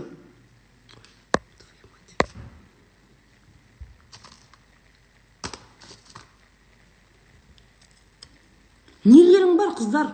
Бай бар екен ей қатыны бар екенін білдің ба? Жоқ құртсайшы. Құртсаңдаршы зачем? Қыздар поддерживайте друг друга зачем вы так делаете? Неге бар екенін біле тұра сөйтіп істейсіңдер ә? Сен оның семьясында ертең не болатынын оның әйелінің қандай состояниеде болатынын сен түсінбейсің ба? Вообще сөйлесудің қажеті жоқ қой. Әйелі бар еркекпен только если прям жұмыс бойынша бір нәрсе бойынша сухой разговор сухой разговор лишний әңгіме болмау керек. Вот сен бойдақ досыңмен таныс нахрен этот разговор нужен вообще? Нужен такой разговор. Зачем? Чтобы что? Қатын бар екенін білдің ба? Құртсайшы сен білесің. Ба ол әйелі әйелінің қандай зачем такой грех брать себе на душу зачем? Ол сообщениені дұрыс түсінбеуі мүмкін ғой. Он думает это она со мной флиртует деп ол мәз ол. Или он думает ты сейчас это мне говоришь типа сен оның дос бойдақ досын сұрап сен якобы сен оны қызғандырғысы келіп жатыр деп ойлаймын. Короче қыздар қатыны бар екенін білдіңдер ма? Тайып тұрыңдар. Женская солидарность деген нәрсе болу керек қой. Қойсаңдаршы ондайларды барып екінші қатын болып тию деген нәрсені қойсаңдаршы. Зачем вы так делаете? Әйелдер неге бір бірлеріңе қиянат жасайсыңдар? Ол ауыр ол любой әйелге ауыр. Неге сөйтесіңдер а?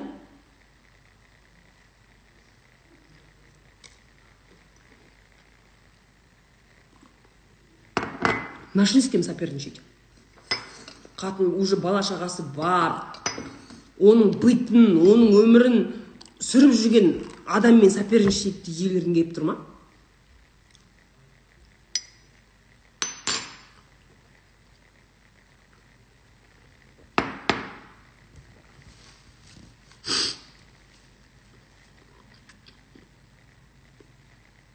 Екі бывшиым бар екеуі артынан қалмайды мазамды алып. Черный списокқа да салдым бәрін әртүрлі номермен звондап жазады ментовка. Ментовка полицияға жазасың түсіндің ба полицияға жазасың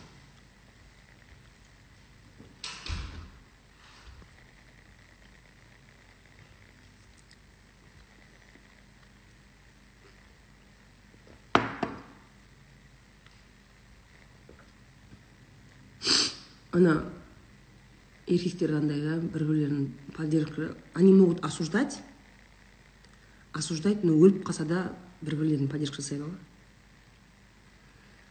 анау жаңағындай любовницасы мысалы да есть такие типа мужики друзья которые ну с детства может быть друзья да әйелінің бәрін семьясымен бәрі таниды анау мынау и он видит что друг завел себе любовницу он же будет ее покрывать он будет его покрывать Ана жаңа. Асылбек мақсат сенің үйіңе кетті ма деген кезде? Конечно асылбек прекрасно знает что мақсат пошел по бабам по бабам пошел. Біледі да? Иә иә бағана сол көп ішіп қойдық па ұйықтап қалды мақсат дейді анау. Понимаешь они вот мужики он да внутри осуждает что он изменяет своей жене но он не будет ее сдавать. Его он не будет сдавать. Он айтпайды ол. Ол айтуы мүмкін ертең тұрғызып алып сен қойсай сен зачем? Деген сияқты әңгіме айтуы мүмкін бірақ ол он не будет его сдавать. Понимаете? Даже жасырады любовницасын мне такую историю короче рассказали. Маған мындай история рассказали. Дариктен сендерге история. Бір келіншек маған жазды күйеуі екеуі үйленгендеріне где то он жылдан асты олар өздері жаңағыдай жолдастары болып араласады. Бір он шақты семья. Ішінде үйленген и ішінде бір үйленбеген бір екеуі сүрбойдақтар бар екен прикиньте сүрбойдақтары бар екен. Арасында олар енді семейно араласқаннан кейін арасында жаңағыдай иногда кейбір қыздармен келіп таныстырады кейбір қыздармен жаңағыдай не істейді но они не женились. И арасында бір жігіт бір достары сондай соңғы бір үш жылдай ма постоянно сондай отырыстарға нелерге бір қызбен келеді дейді да бірақ соған үйленбейді екен. Сол айтады ей сен үйленсейші үш жыл болды жүргеніңе ана қызбен. Постоянно екеуің вечерлерге келесіңдер жоқ біз жүрмейміз әшейін доспыз деп айтады екен. Әшейін доспыз деп айтады екен. Жоқ біз махаббат ештеңе жоқ просто екеуміз сөйтіп не істейміз анау мынау и боже какой это был просто пиздец. Бір күні ол байын сондай бір вечерде жаңағы қызбен ұстап алады ғой. Оказывается она три года его официальная любовница. Все друзья об этом знают. Вот это вдруг покрывает типа ана қызды менің танысым менің подружкам деген сияқты. Үш жылдан бері общий отырыстарға қалып келеді. Бүкіл достары біледі. Бүкіл достары біледі что ана қыз ана күйеуінің любовницасы екенін біледі. Все знают и все молчат. Бедная женщина. Бедная женщина. насколько это ужасно да друзья все друзья твоего мужа знают что это шлюха его шлюха все знают но все делают вид как будто ана жігіттің қызы сияқты понимаете насколько мужики покрывают друг друга это же ужас же это же ужас девчонки не деген не деген қатыгездік ол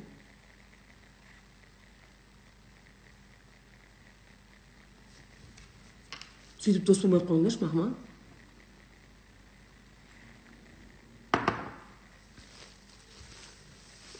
до того обнаглели алған ғой басқа бөлмеде. Обжимались со своей любовницей прикинь. До того обнаглел ғой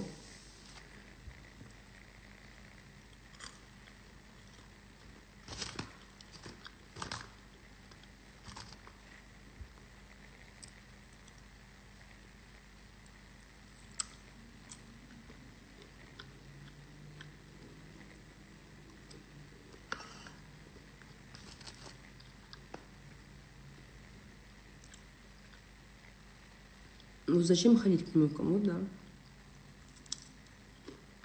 Ер жігіттердің жасайтын иттіктері көп қой негізі чашка красивая спасибо.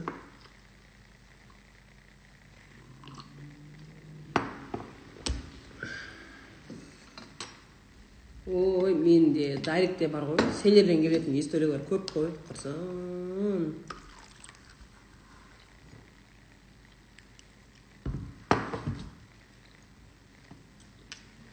ол маған шарт қойды бір айдың ішінде үйленеміз потому что әрі қарай тойға дайындалуға уақыт болмайды. Если бір айда тұрмысқа шығуға дайын болмасам ренжіментте соғып қана араласайық деді енді не дейсің әмірбекова? Тем более жаста тұрмысқа шығу жайлы ойыңыз дейді оны өзің шешу керексің ғой. Күйеуіңізді шетелге немесе басқа қалаға жұмысқа командамен шыққан дұрыс па? Күйеуім қарсы болып тұр дейді. Алина ә, күйеуің қарсы болса алып кет күйеуіңді күйеуіңді алып кет мынандай да жұмыс бәрі важно ғой это важно бірақ күйеуің сенің реально жұмыспен ол не то что сені бір қызғану ол қауіпсіздікті ойлайды да мынандай мына заманда қауіпсіздікті ойлау это нормально ғой бірінші очередь сенің қауіпсіздігіңді ойлайды андай арам ой емес та как бәле болып қалмай ма деген сияқты да. Ол еркек адам ол сөйтеді ол жауап беремін дейді. Мысалы мен қатыныма жауап беруім керек дейді да ол сөйтіп ол переживать етеді. Поэтому на какие то первые командировки надо ездить с ним. Оның қолы бос болатын болса бірге не істеп ол сенің жұмысыңның барысын көрсін. Сосын ары қарай уже шешіледі шешіледі немесе қасына сенімді болсын деп жаңағыдай сіңліңді алып барасың ба басқа ініңді алып кетесің ба кім түсінесің ба алина? Яғни сен ты ты свои абьюзивные мысли ты свои патриархальные идеологии пихаешь на меня. Я я свободная женщина деген ә, шілек қатты кетуге болмайды да. Бәрібір қанша дегенмен жұмыста жұмыс маңызды. Бірақ м сендер отбасысыңдар ғой. Жұмыс үшін бір біріңмен ұрысуға болмайды иә келісімге келу керек. Реально сен үшін қорқатын болса жаңағыдай сенің қауіпсіздігіңді уайымдайтын болса забери его с собой на первые какие то поездки а потом уже может быть жаңағыдай сіңліңмен ба барасың ба ініңді алып кетіп жүресің ба. Сөйтіп не қылсаңдаршы сөйтіп шешіңдер қырыла бермей ол әйелге қандай кеңес бердіңіз мен ештеңе деген жоқпын. Не деймін мен оған не деймін. Она она не может переехать. Переехать от него развестись она не может. просто ей очень плохо китайский қазір китайский шай ішіп жүрген жоқпын роза ханым почему мужчина идет на измену анара тарты он идет на измену потому что он безответственный другого ответа здесь нет анар түсінесің ба еркек неге измена жасайды еркек измена жасайды потому что ол жауапсыз анау қатын мынандай болғанда женственная емес бір бәле мен сенің жылуыңды сезінуді еркек еркек типа говорит жаңағы измена жасап келді ғой сен скандал жасап жатрсың да анар ше зачем ты так делаешь зачем ты меня предал анау мынау деп айтып жатрсың ғой соған такое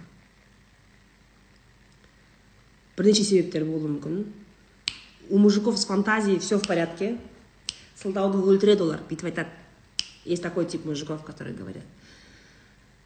Еркек деген ол жүреді ат айналып қазығын табады.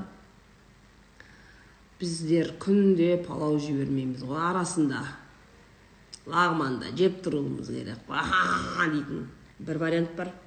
Екінші вариант есть такие которые говорят. Соңғы кезде сенің жылуыңды сезінбедім. Бұрынғыдағыдай сен күлімсіреп тұратын анара емессің. Мен ғашық болған анара басқа еді сен өзгердің. Ал ана қатын маған сол жылулықты берді. Түсінесің ба деп. Көрдің ба? Түсінесің ба? Он, он, он короче он, э, он делает тебя виноватой за то что сам пошел налево. Вот козел да? Ол екінші әңгіме. Тағы ондайлар бар. А, там типа не болды ту анар қойшы мен бәрібір сені жақсы көремін көрдің ба мен саған келдім көрдің ба ондай ондай қатындар ол жолда жүре береді ондайлар анар мен сені сүйемін ғой дейтіндер осындай сылтау айтатындар бар. Кто еще? Какие еще есть такие? Знаешь, это не... Ну, вот эти вот три основные, основные ол үш сылтау ғой. И все время, все время ә, не істеп жатыр ә, еркек сенің ә, возмущениеңді сенің сезімдеріңді жоққа шығарып жатыр да обесценивать етіп жатыр. Обесценивать етіп жатыр да ол өзінің ісіне өзінің ісінің дұрыс емес екенін мойындап тұрған жоқ вообще вообще мойындап тұрған жоқ. Ол барынша сенің эмоцияңды нөлге шығарып жатыр да. Да понимаешь нөлге шығарып жатыр. Как будто ты не должна ничего чувствовать понимаешь анара? Как будто саған ол норма болу керек та. Да еркектер жүреді деген сияқты да там типа да иногда бывает скучно барып келсін деген сияқты яғни он внушает в тебя в тебе такие мысли ол жерде ол өзінің әрекетінің дұрыс емес екенін несін вообще оны ойлап тұрған жоқ ол и сені соған уговаривать етіп жатыр сені чтобы ты воспринимала это нормально понимаешь анара это такой чистой воды газлайтинг то есть тебе нехорошо ты говоришь ты почему так сделал ты почему меня предал деген кезде ей анар анар ей анар қой ондай ондай болады на на саған келдім ғой жаным сені сүйемін анар дейді да и там женщина типа әйел жынды болып қалады да менікі дұрыс емес па че то он же вернулся ко мне он же меня любит он же сам говорит что он меня любит менің бір жерім дұрыс емес па не үшін мен уайымдап жатырмын шынымен ғой нет я не должна страдать мен ол маған ауыр я какая то не такая я должна к этому относиться нормально деп ойлайсың да? Ты начинаешь в себе жаңағы сенің ішіңдегі туындаған возмущениені сен өлтіре бастайсың. Өлтіре бастайсың уже. И уже жынды болып қаласың. Это чистой воды газа. Тебе плохо а тебе говорят анар успокойся ол жерде бір қылмыс жоқ ол жерде. Немене измена жасаған үшін не соттай ма не анар бер онда мені полицияға сотта мені деген сияқты ой ондай өзіңе нападение жасайтындар да бар понимаешь? То есть бұл жерде ең ты должна понимать что э, свои, ты не должна предавать себя и свои чувства. Вот ты чувствуешь что тебе плохо? Ну қанын іш жаса семейный совет жаса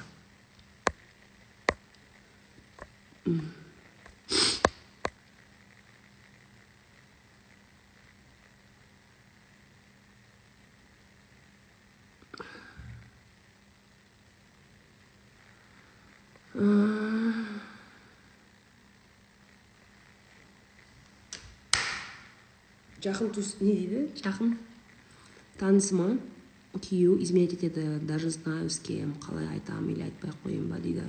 Ой амина. Бәлелі көтке бармағың бармағың сұқпа дейді ғой не қыласың? Сенен келіп сұрап жатқан жоқ қой. Амина мен байым жүріп жүрген сияқты. Еш соны түсінбеймін деп саған сен ештеңе сұрап жатқан жоқ қой. Не қыласың? қатарға оқ таппай қаламыз ғой нет просто самое главное себя не предавай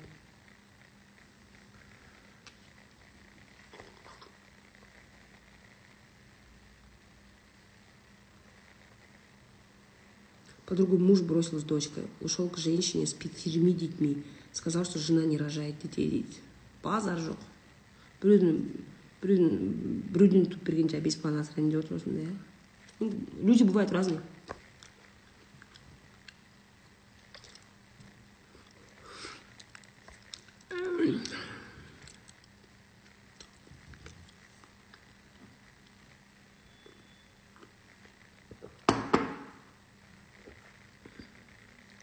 женатыймен уже сөйлесіп жүргеніме екі жыл болды что мне делать помогите пожалуйста он мне ничего не обещал просто так жүрмін дейді займись чем то айтып жатырмын ғой все зависит эмоционально зависим у тебя есть эмоциональная зависимость от этого человека да, от этого женатого мужчины у тебя есть эмоциональная зависимость Сен бүкіл әлеміңді сол еркекпен толтырып тастағансың да бүкіл басыңды әлеміңді сол еркекпен толтырып тастағансың. Аңдығаның сол соның қатынын ойлайсың инстаграмда оның қатынын қарайсың қатынмен түскен суреттерін жүз рет қарайсың прокручиваешь в голове у тебя все время надежда что вдруг он ее бросит. Вдруг случится так что он настолько в меня влюбится что бросит ее бір күні келіп аяғыма жығылады пожалуйста. Деп сен соны армандайсың да и сенің басыңда ты это закручиваешь закручиваешь закручиваешь сен бүкіл әлемің сол адаммен толып кеткен да и конечно сен содан шыға алмайсың я тебе рекомендую переехать в другой город поменять работу сменить прическу я не знаю что-то в своей жизни менять надо в жизни своей менять бірден бірден күшті болып кетпейді бірден ұмытып кетпейсің но лучше закончить эту связь во-первых он никогда не разведется сен уақытыңды кетіріп жатрсың во вторых это карма. Оның әйелі мүмкін біліп жүрген шығар оның әйелі сезетін шығар күйеуінің сол бір нәрсеге отвлекаться ететінін телефон ұстап алып че то че то по углам там ходит. Соны сезетін шығар ол да.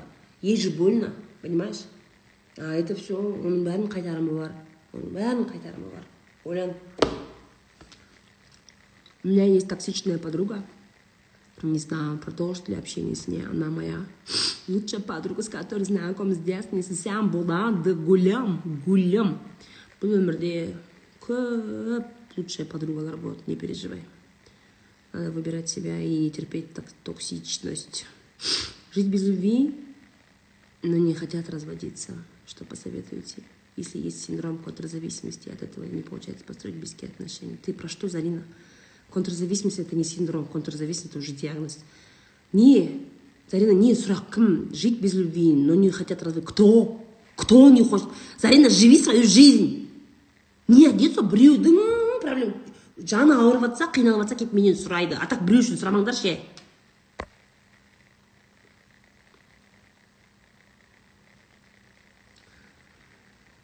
ажырасқан төрт баласы бар еркек үйленейік дейді отау отау істемей қалған содан кейін не дейді сөйлесіп кеткенбіз дейді. Отау істемей қалған дейді. Что значит отау істемей қалған не істемей қалған? Отау істемей қалған. Ой бля.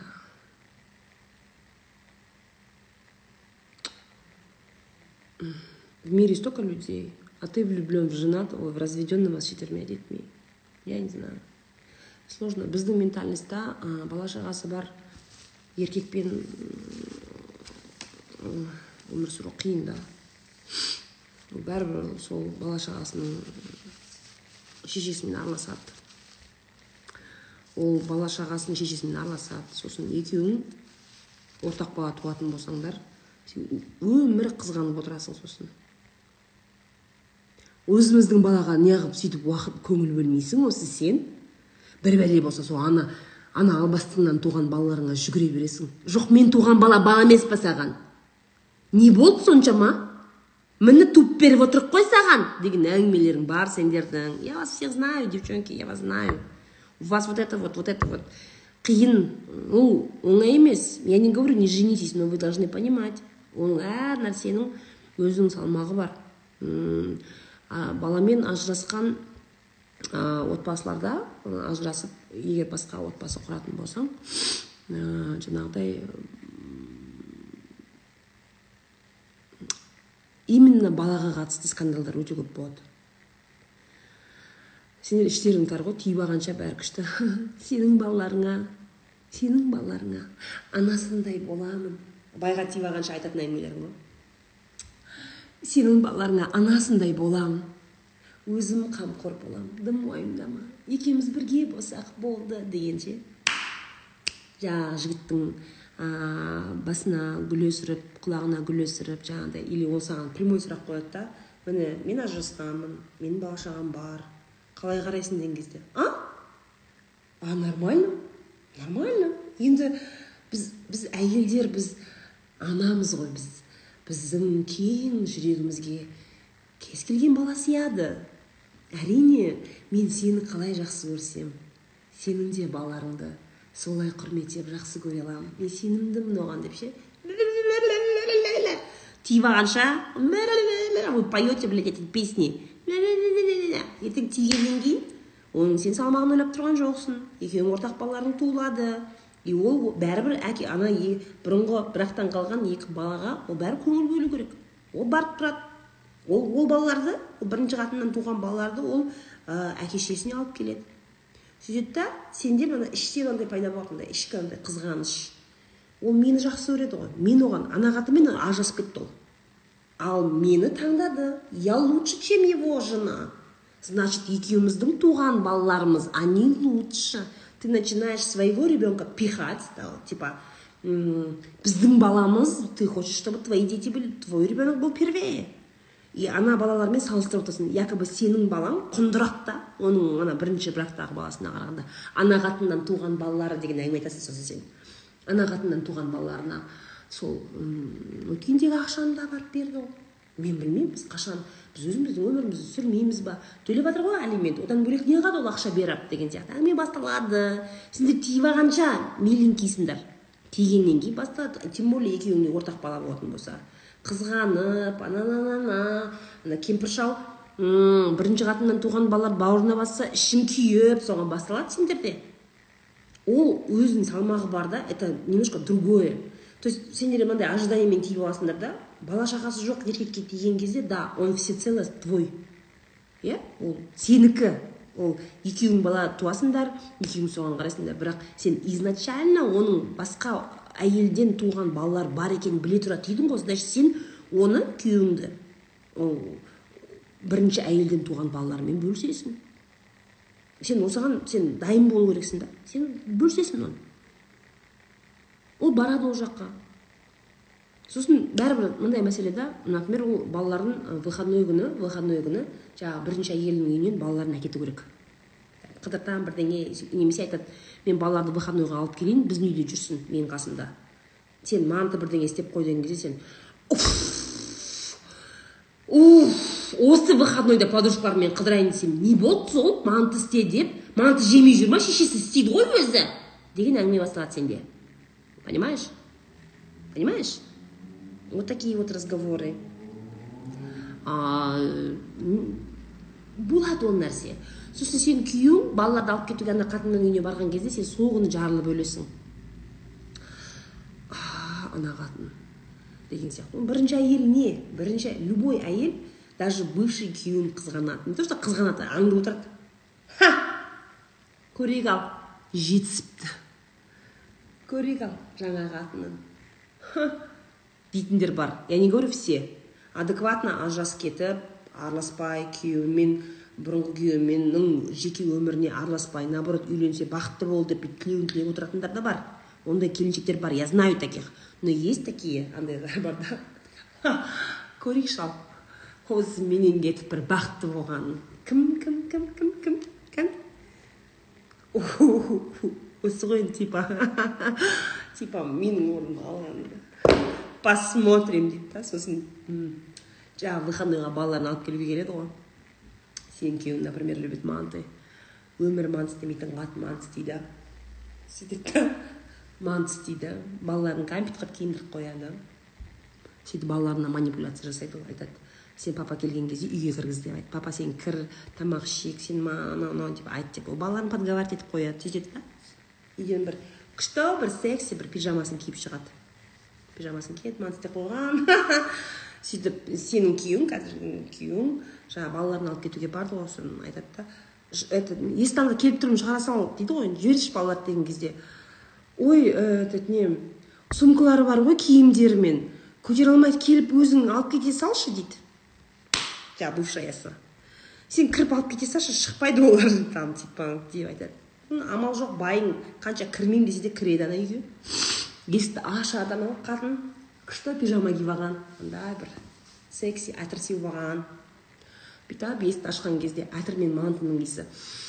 Ана мұрынға келмей ма ана балалар папа папа папа деп аяғына жармасады аяғына сосын балалар айтады папа кірші үйге манты жейік да заходи жаңа ғана істедім балалар тамақ ішіп үлгерген жоқ келіп бірге отырып жей бастаңдаршы дейді ана бывшаясы блять кіреді сенің байың амал жоқ балаларды не істеп жатыр с другой стороны что я же раньше жил в этом доме с этой женщиной ничего страшного манты поем деген сияқты бәрі жоқ жоқ қылып айтады сен енді үйде байыңды тойдырып жібердің ғой сонда да жоқ жоқ деген кезде енді ұялғаннан енді амал жоқ барады кіреді. Кіреді де жаңағы отырады екі баласы екі жағында ана қатын жүр. Бүйтіп мына жағынан салатты қойып мына жақтан майонезді қойып мантыны салып да. Блядь ты готова это все терпеть?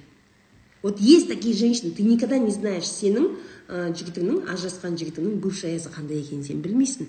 Есть очень адекватные которые вообще не лезут ойбай айналайын бар оң қатын аласың ба бақытты болшы құрышы бар дейтіндер бар да.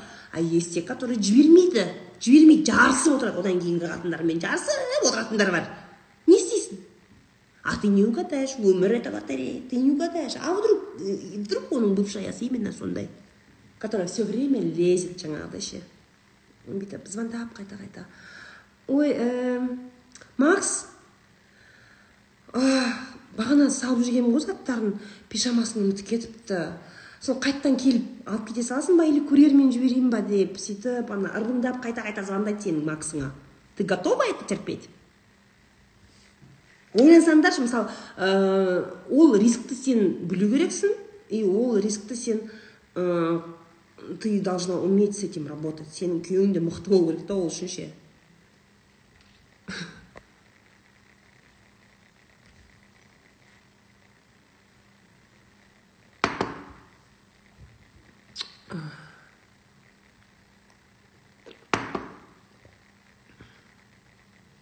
неге макс мақсат қой өйткені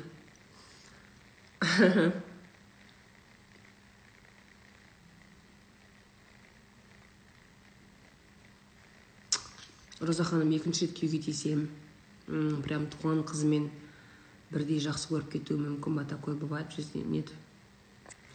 Мына ажырасқандар баласы бар ажырасқандар бір бірлерімен үйленген кезде менің баламды өзінікіндей қылып жақсы көріп кетеді деген үміт болмау керек. Ондай ә, ожидание сендерде болмау керек. Не ожидайте этого никогда. Может иә бір ә, реально бір өз бауырына өз баласындай басуы мүмкін.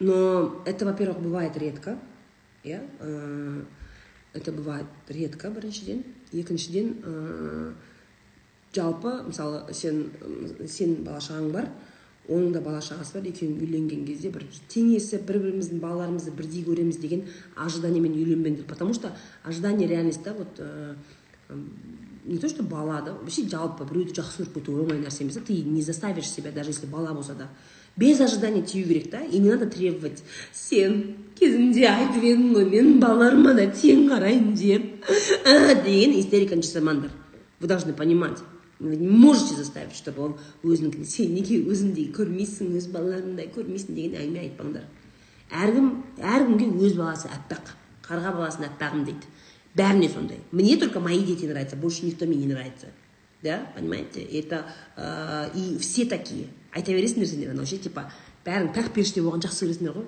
кез келген баланы бауырыма басқым келіп тұрады барлық балалар бірдей ғой бала деген ол періште балалардың бәрін жақсы көремін бірдей көремін деген лучше фамилияны айтпай ақ қойыңызшы не пихайте я говорю всегда правду я люблю только своих детей только своих детей других уважаю но не люблю когда они орут я уже это я нервничаю Өз балаларым жыласа өзім племяннигім жыласа и то шыдауым мүмкін бір білмеймін бір бес одан кейін уже шыдамаймын извините. И я по крайней мере не вру. Я вот эти вот маски не ношу, типа, бала деген періште, бала нет такого, у меня такого нету, и практически вы все такие. Пожалуйста, өздерің бүйтіп андай періште қылып көрсетпей ақ қойыңдаршы мақма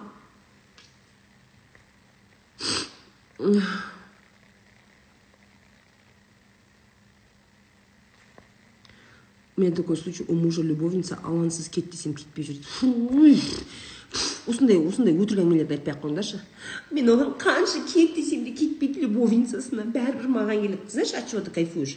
Ты кайфуешь от того что кетсей енді кет! деген кезде ше он типа не уходит и ты такая вот видишь қанша любовницаға барса да ол мені сүйеді деген идеяға сен тойып жүрсің да по факту почему он не уходит я тебе скажу. Потому что ты бесплатно даешь ты его кормишь сен оның киімін бәрін жөндеп бересің ты ему обеспечиваешь быт да? Ты все ему делаешь да? А туда он ходит ә, там погулять ол ол қатынға ол керек емес ол қатын сенің байың тірселерін жуа ма сен жуасың ты же лох. Ты лох. Ты лох. И ты думаешь вот қанша мен оған любовницасына кет десем де кетпесем де ол кетпейтіні дейсің да бірақ іште сен оны ойлап тұрсың вот видишь какая бы там жаркая женщина не была он все равно со мной деген идеяға өзіңді өзің алдап жүрсің да? Көніп жүрсің да соған ше? А он туда не уходит потому что этой любовнице твой мужик нахрен не сдался он просто она просто с ним погуляет там деньги из него вытаскивает бірге кафеге бірдеңеге барады да вот. Твой мужик ей нахрен не нужен. Ему тоже не надо с ней жить. Зачем? Сен ты же лошара. Ты же все ему даешь бәрін бересің баланы туып жатсың скандалы не устраиваешь. Киім кешегін бәрін үтіктеп үф үф деп пылинки с него сдуваешь. Аяқ киімдерін шаңын сыртқа қоятын шығарсың есіктің алдында. Носки труселерін жуып бересің. Зачем? Зачем ему от тебя уходить дорогая моя? Зачем? Не обманывай себя типа қанша кет десем де любовницасына кетпейді это ему экономически невыгодно. А так сен лох болып а деп сериалдарыңды көріп соның трусигін жуып отқан кезде он пойдет с ней потрахается. Да да.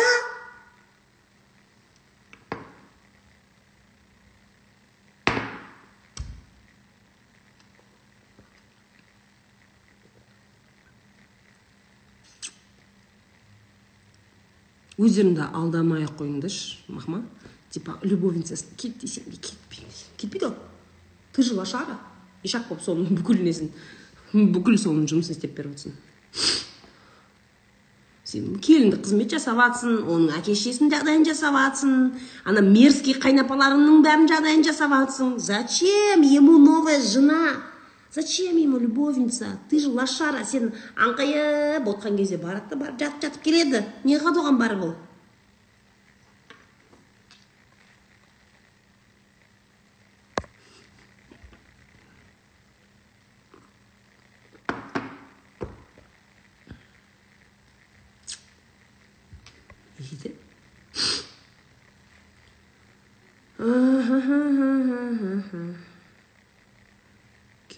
күйеуім баласын әлі көрмедім но көргенде қалай болады екен деп ойланамын ой айнұр не переживай это обычный ребенок ну да возможно этот ребенок не то что возможно этот ребенок точно знает что ты новая жена его отца вот знает точно біледі а, оның шешесі де айтуы мүмкін у твоего папы новая жена деген сияқты ол айтуы мүмкін естественно любой ребенок любит своих родителей больше Какой-то момент ол сені жек көруі мүмкін жақтырмауы мүмкін чужая тетенька ты это ты почему ты живешь с моим отцом почему с ним не живет моя мама? Деген сияқты любой баланың ішінде болады поэтому давай без ожиданий.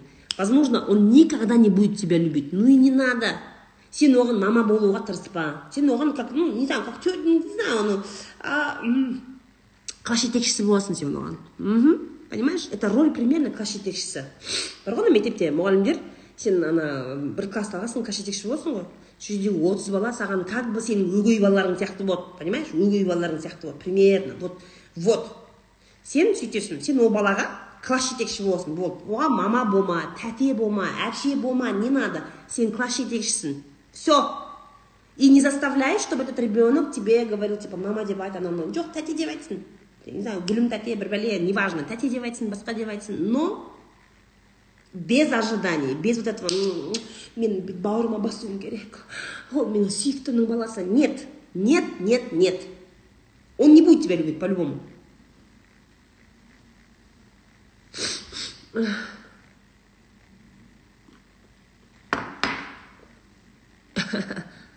бүгінгі эфир оқ болып отыр дейді қош е әлі ма нормально болды ма бүгін эфир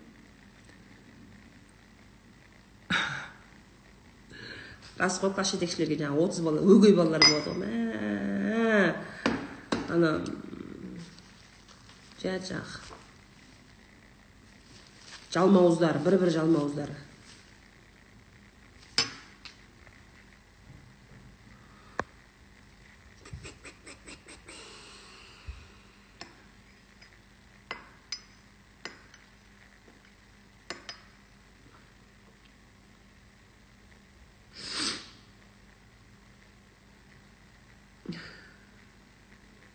Жиырма жас үлкен адамға ғашықпын ешкім түсінбейді дейді.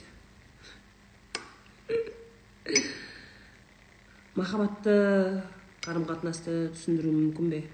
Мне кажется мүмкін емес. Если у вас любовь взаимная. Бақытты болыңдар.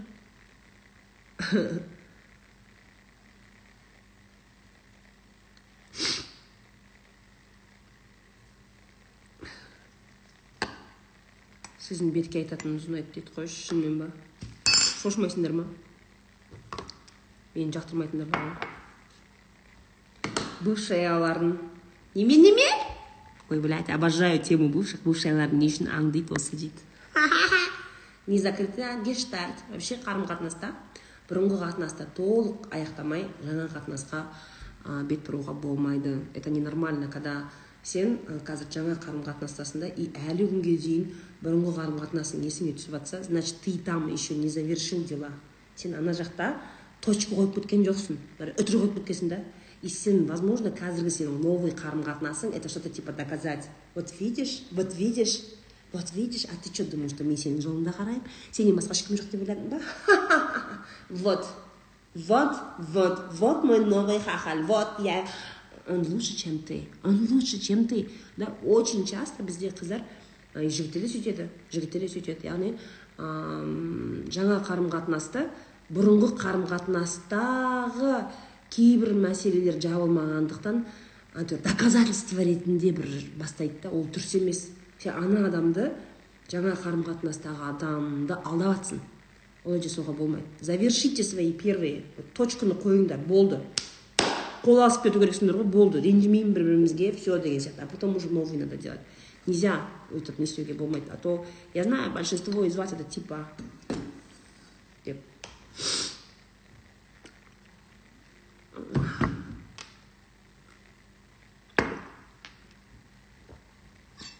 че какие еще про, про бывших ой бывшийдің темасы сол бывший ол сондықтан пайда болады да ол тема потому что неге сен бывшийдің темасына қайта бересің потому что сен ол қарым қатынасты сен завершать еткен жоқсың. Не было? Сен точку қойған жоқсың поэтому.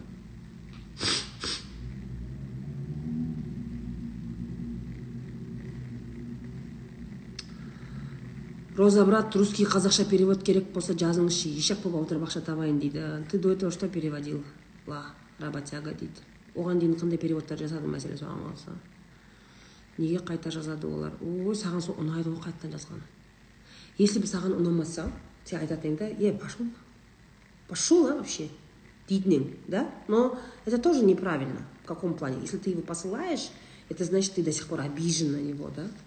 Обижен. Ты как бы обижен на него но при этом саған жазғаны ұнайды да.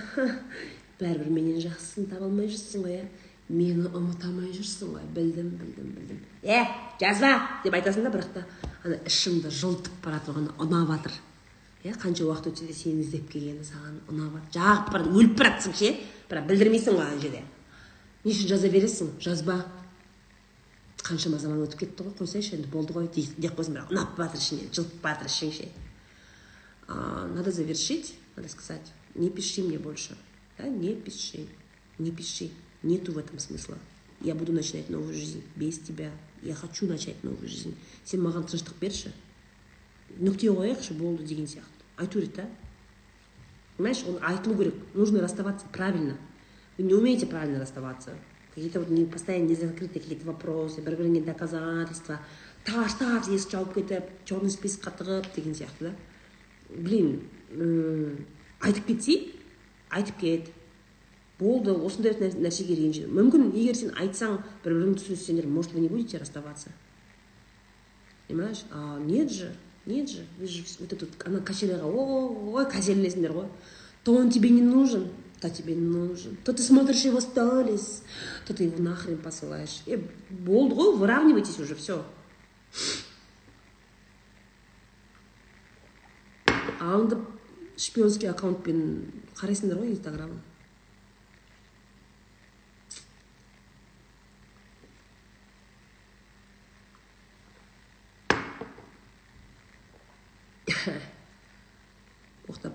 болдық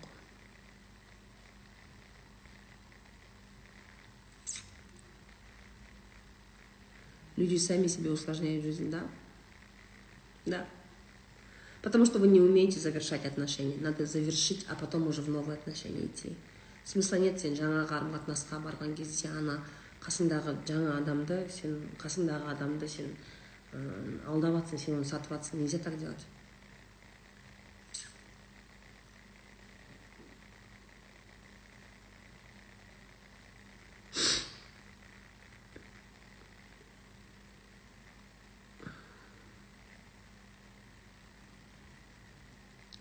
Сол үшін ғой шыға беретіні почему вы каждый раз в своей жизни что-то делаете чтобы бывшему что то доказать? Вот почему вы это делаете? Өмірде бірдеңе істесең де бәрібір ойыңда тұрады да мысалы сен бір новый көйлек алдың күшті укладка істедің боянып алдың да?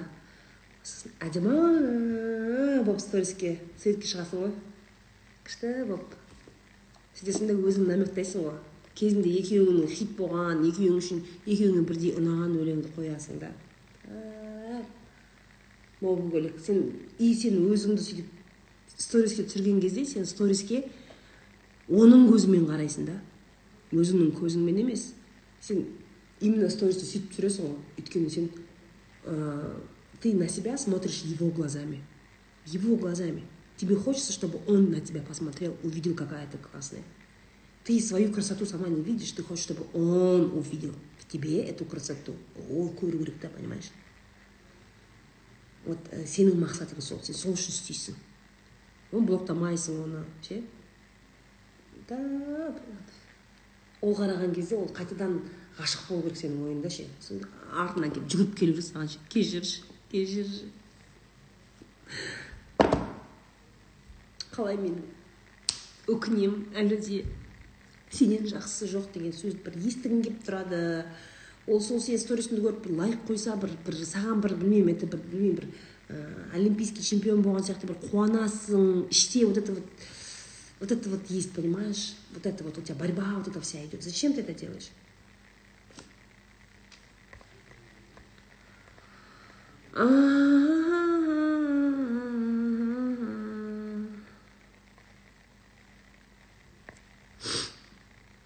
Я слишком хорошо вас знаю да. Сендердің ішіңдегі болып жатқан тарақандарың бәрін білемін ғой мен а сендердің іштеріңдегі болып жатқан нәрсенің бәрін білемін мен жақсы білемін я все знаю про вас.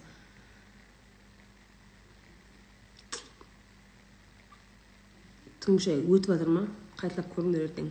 Ойбай жаман болады. Жаман. Комментарий жазасыңдар ғой. Сендер эфирдің астына комментарий ана сақталған эфирдің астына комментарий жазуды ұмытпаңдар. Соңғы кезде че то ше болттарың босап боқтарың сұйылып че то ше безответственный болып бара жатсыңдар сендер. Эфирлердің астына сендер комментарий жазбайтын болыпсыңдар. Жазыңдар. Болттарың босап боқтарың сұйылып сендер ше сондай болып бара жатсыңдар эфирді көріп отырсыңдар ма ұнады ма жазсаңдаршы комментарий. Мақтаңдар.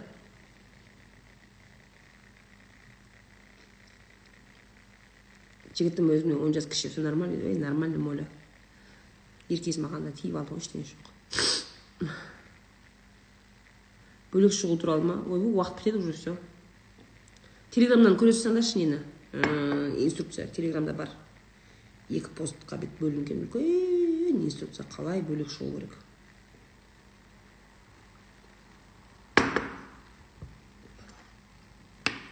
сіз не почем көңіліңіз түсетін кездер бола ма уақытым жоқ менің бүгін әдемісіз дейді енді укладкамен мейкпен жүрген жоқпын ба менің уақытым жоқ вы знаете вы не поверите. У меня может поверите может не поверите.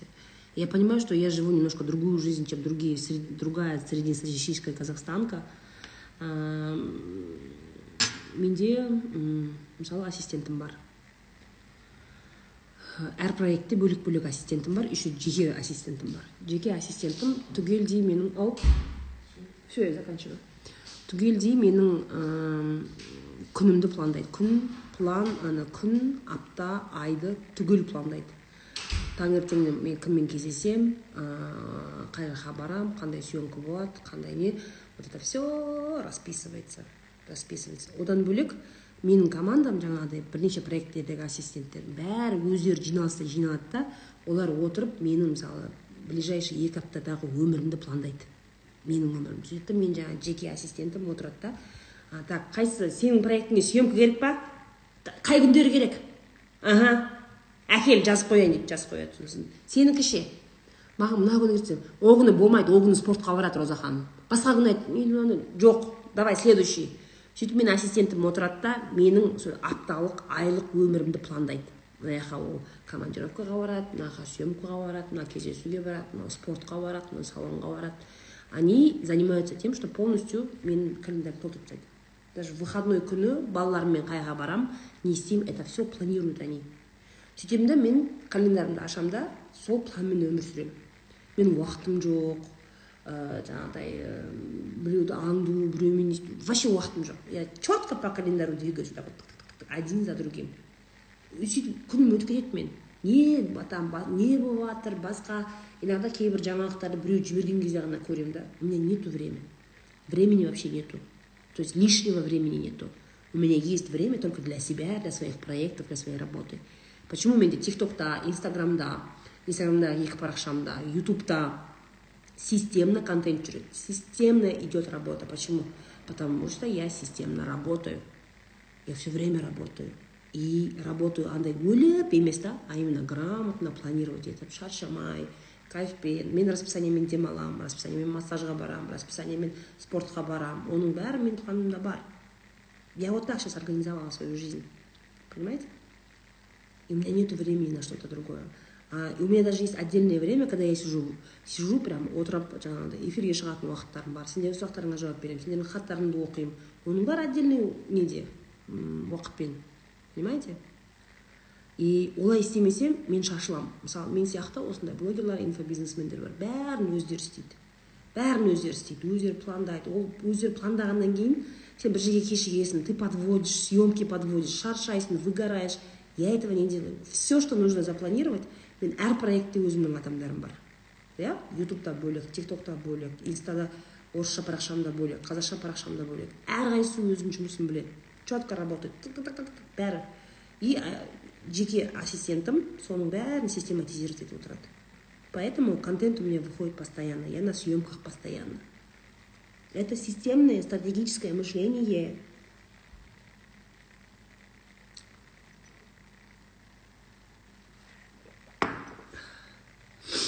мен қорқамын ондайдан Ә, ол оңай емес ол оңай емес Ә, ты правильно делаешь что боишься А, ондай өмір сүру это подходит не всем Ә, а, это подходит не всем это не все такое выдерживают М, поэтому м, нужно понимать это Сол, все. Всем пока. Ребятки, спасибо за вечер, спасибо вам э, за ваши вопросы. Я кайфанула. Бүгін күшті өзі эфир болды. М, Такое на настроении, на драйве. Э, Всем хороших выходных. Э, м, Стористарды қараңдар. Комментарий жазыңдар. Болттарың босамай. Нормальный комментарий жазып кетіңдер екі эфирдің де астында. Все, вы меня мотивируете своими лайками, комментариями, сохранениями. Всем спасибо, всем пока.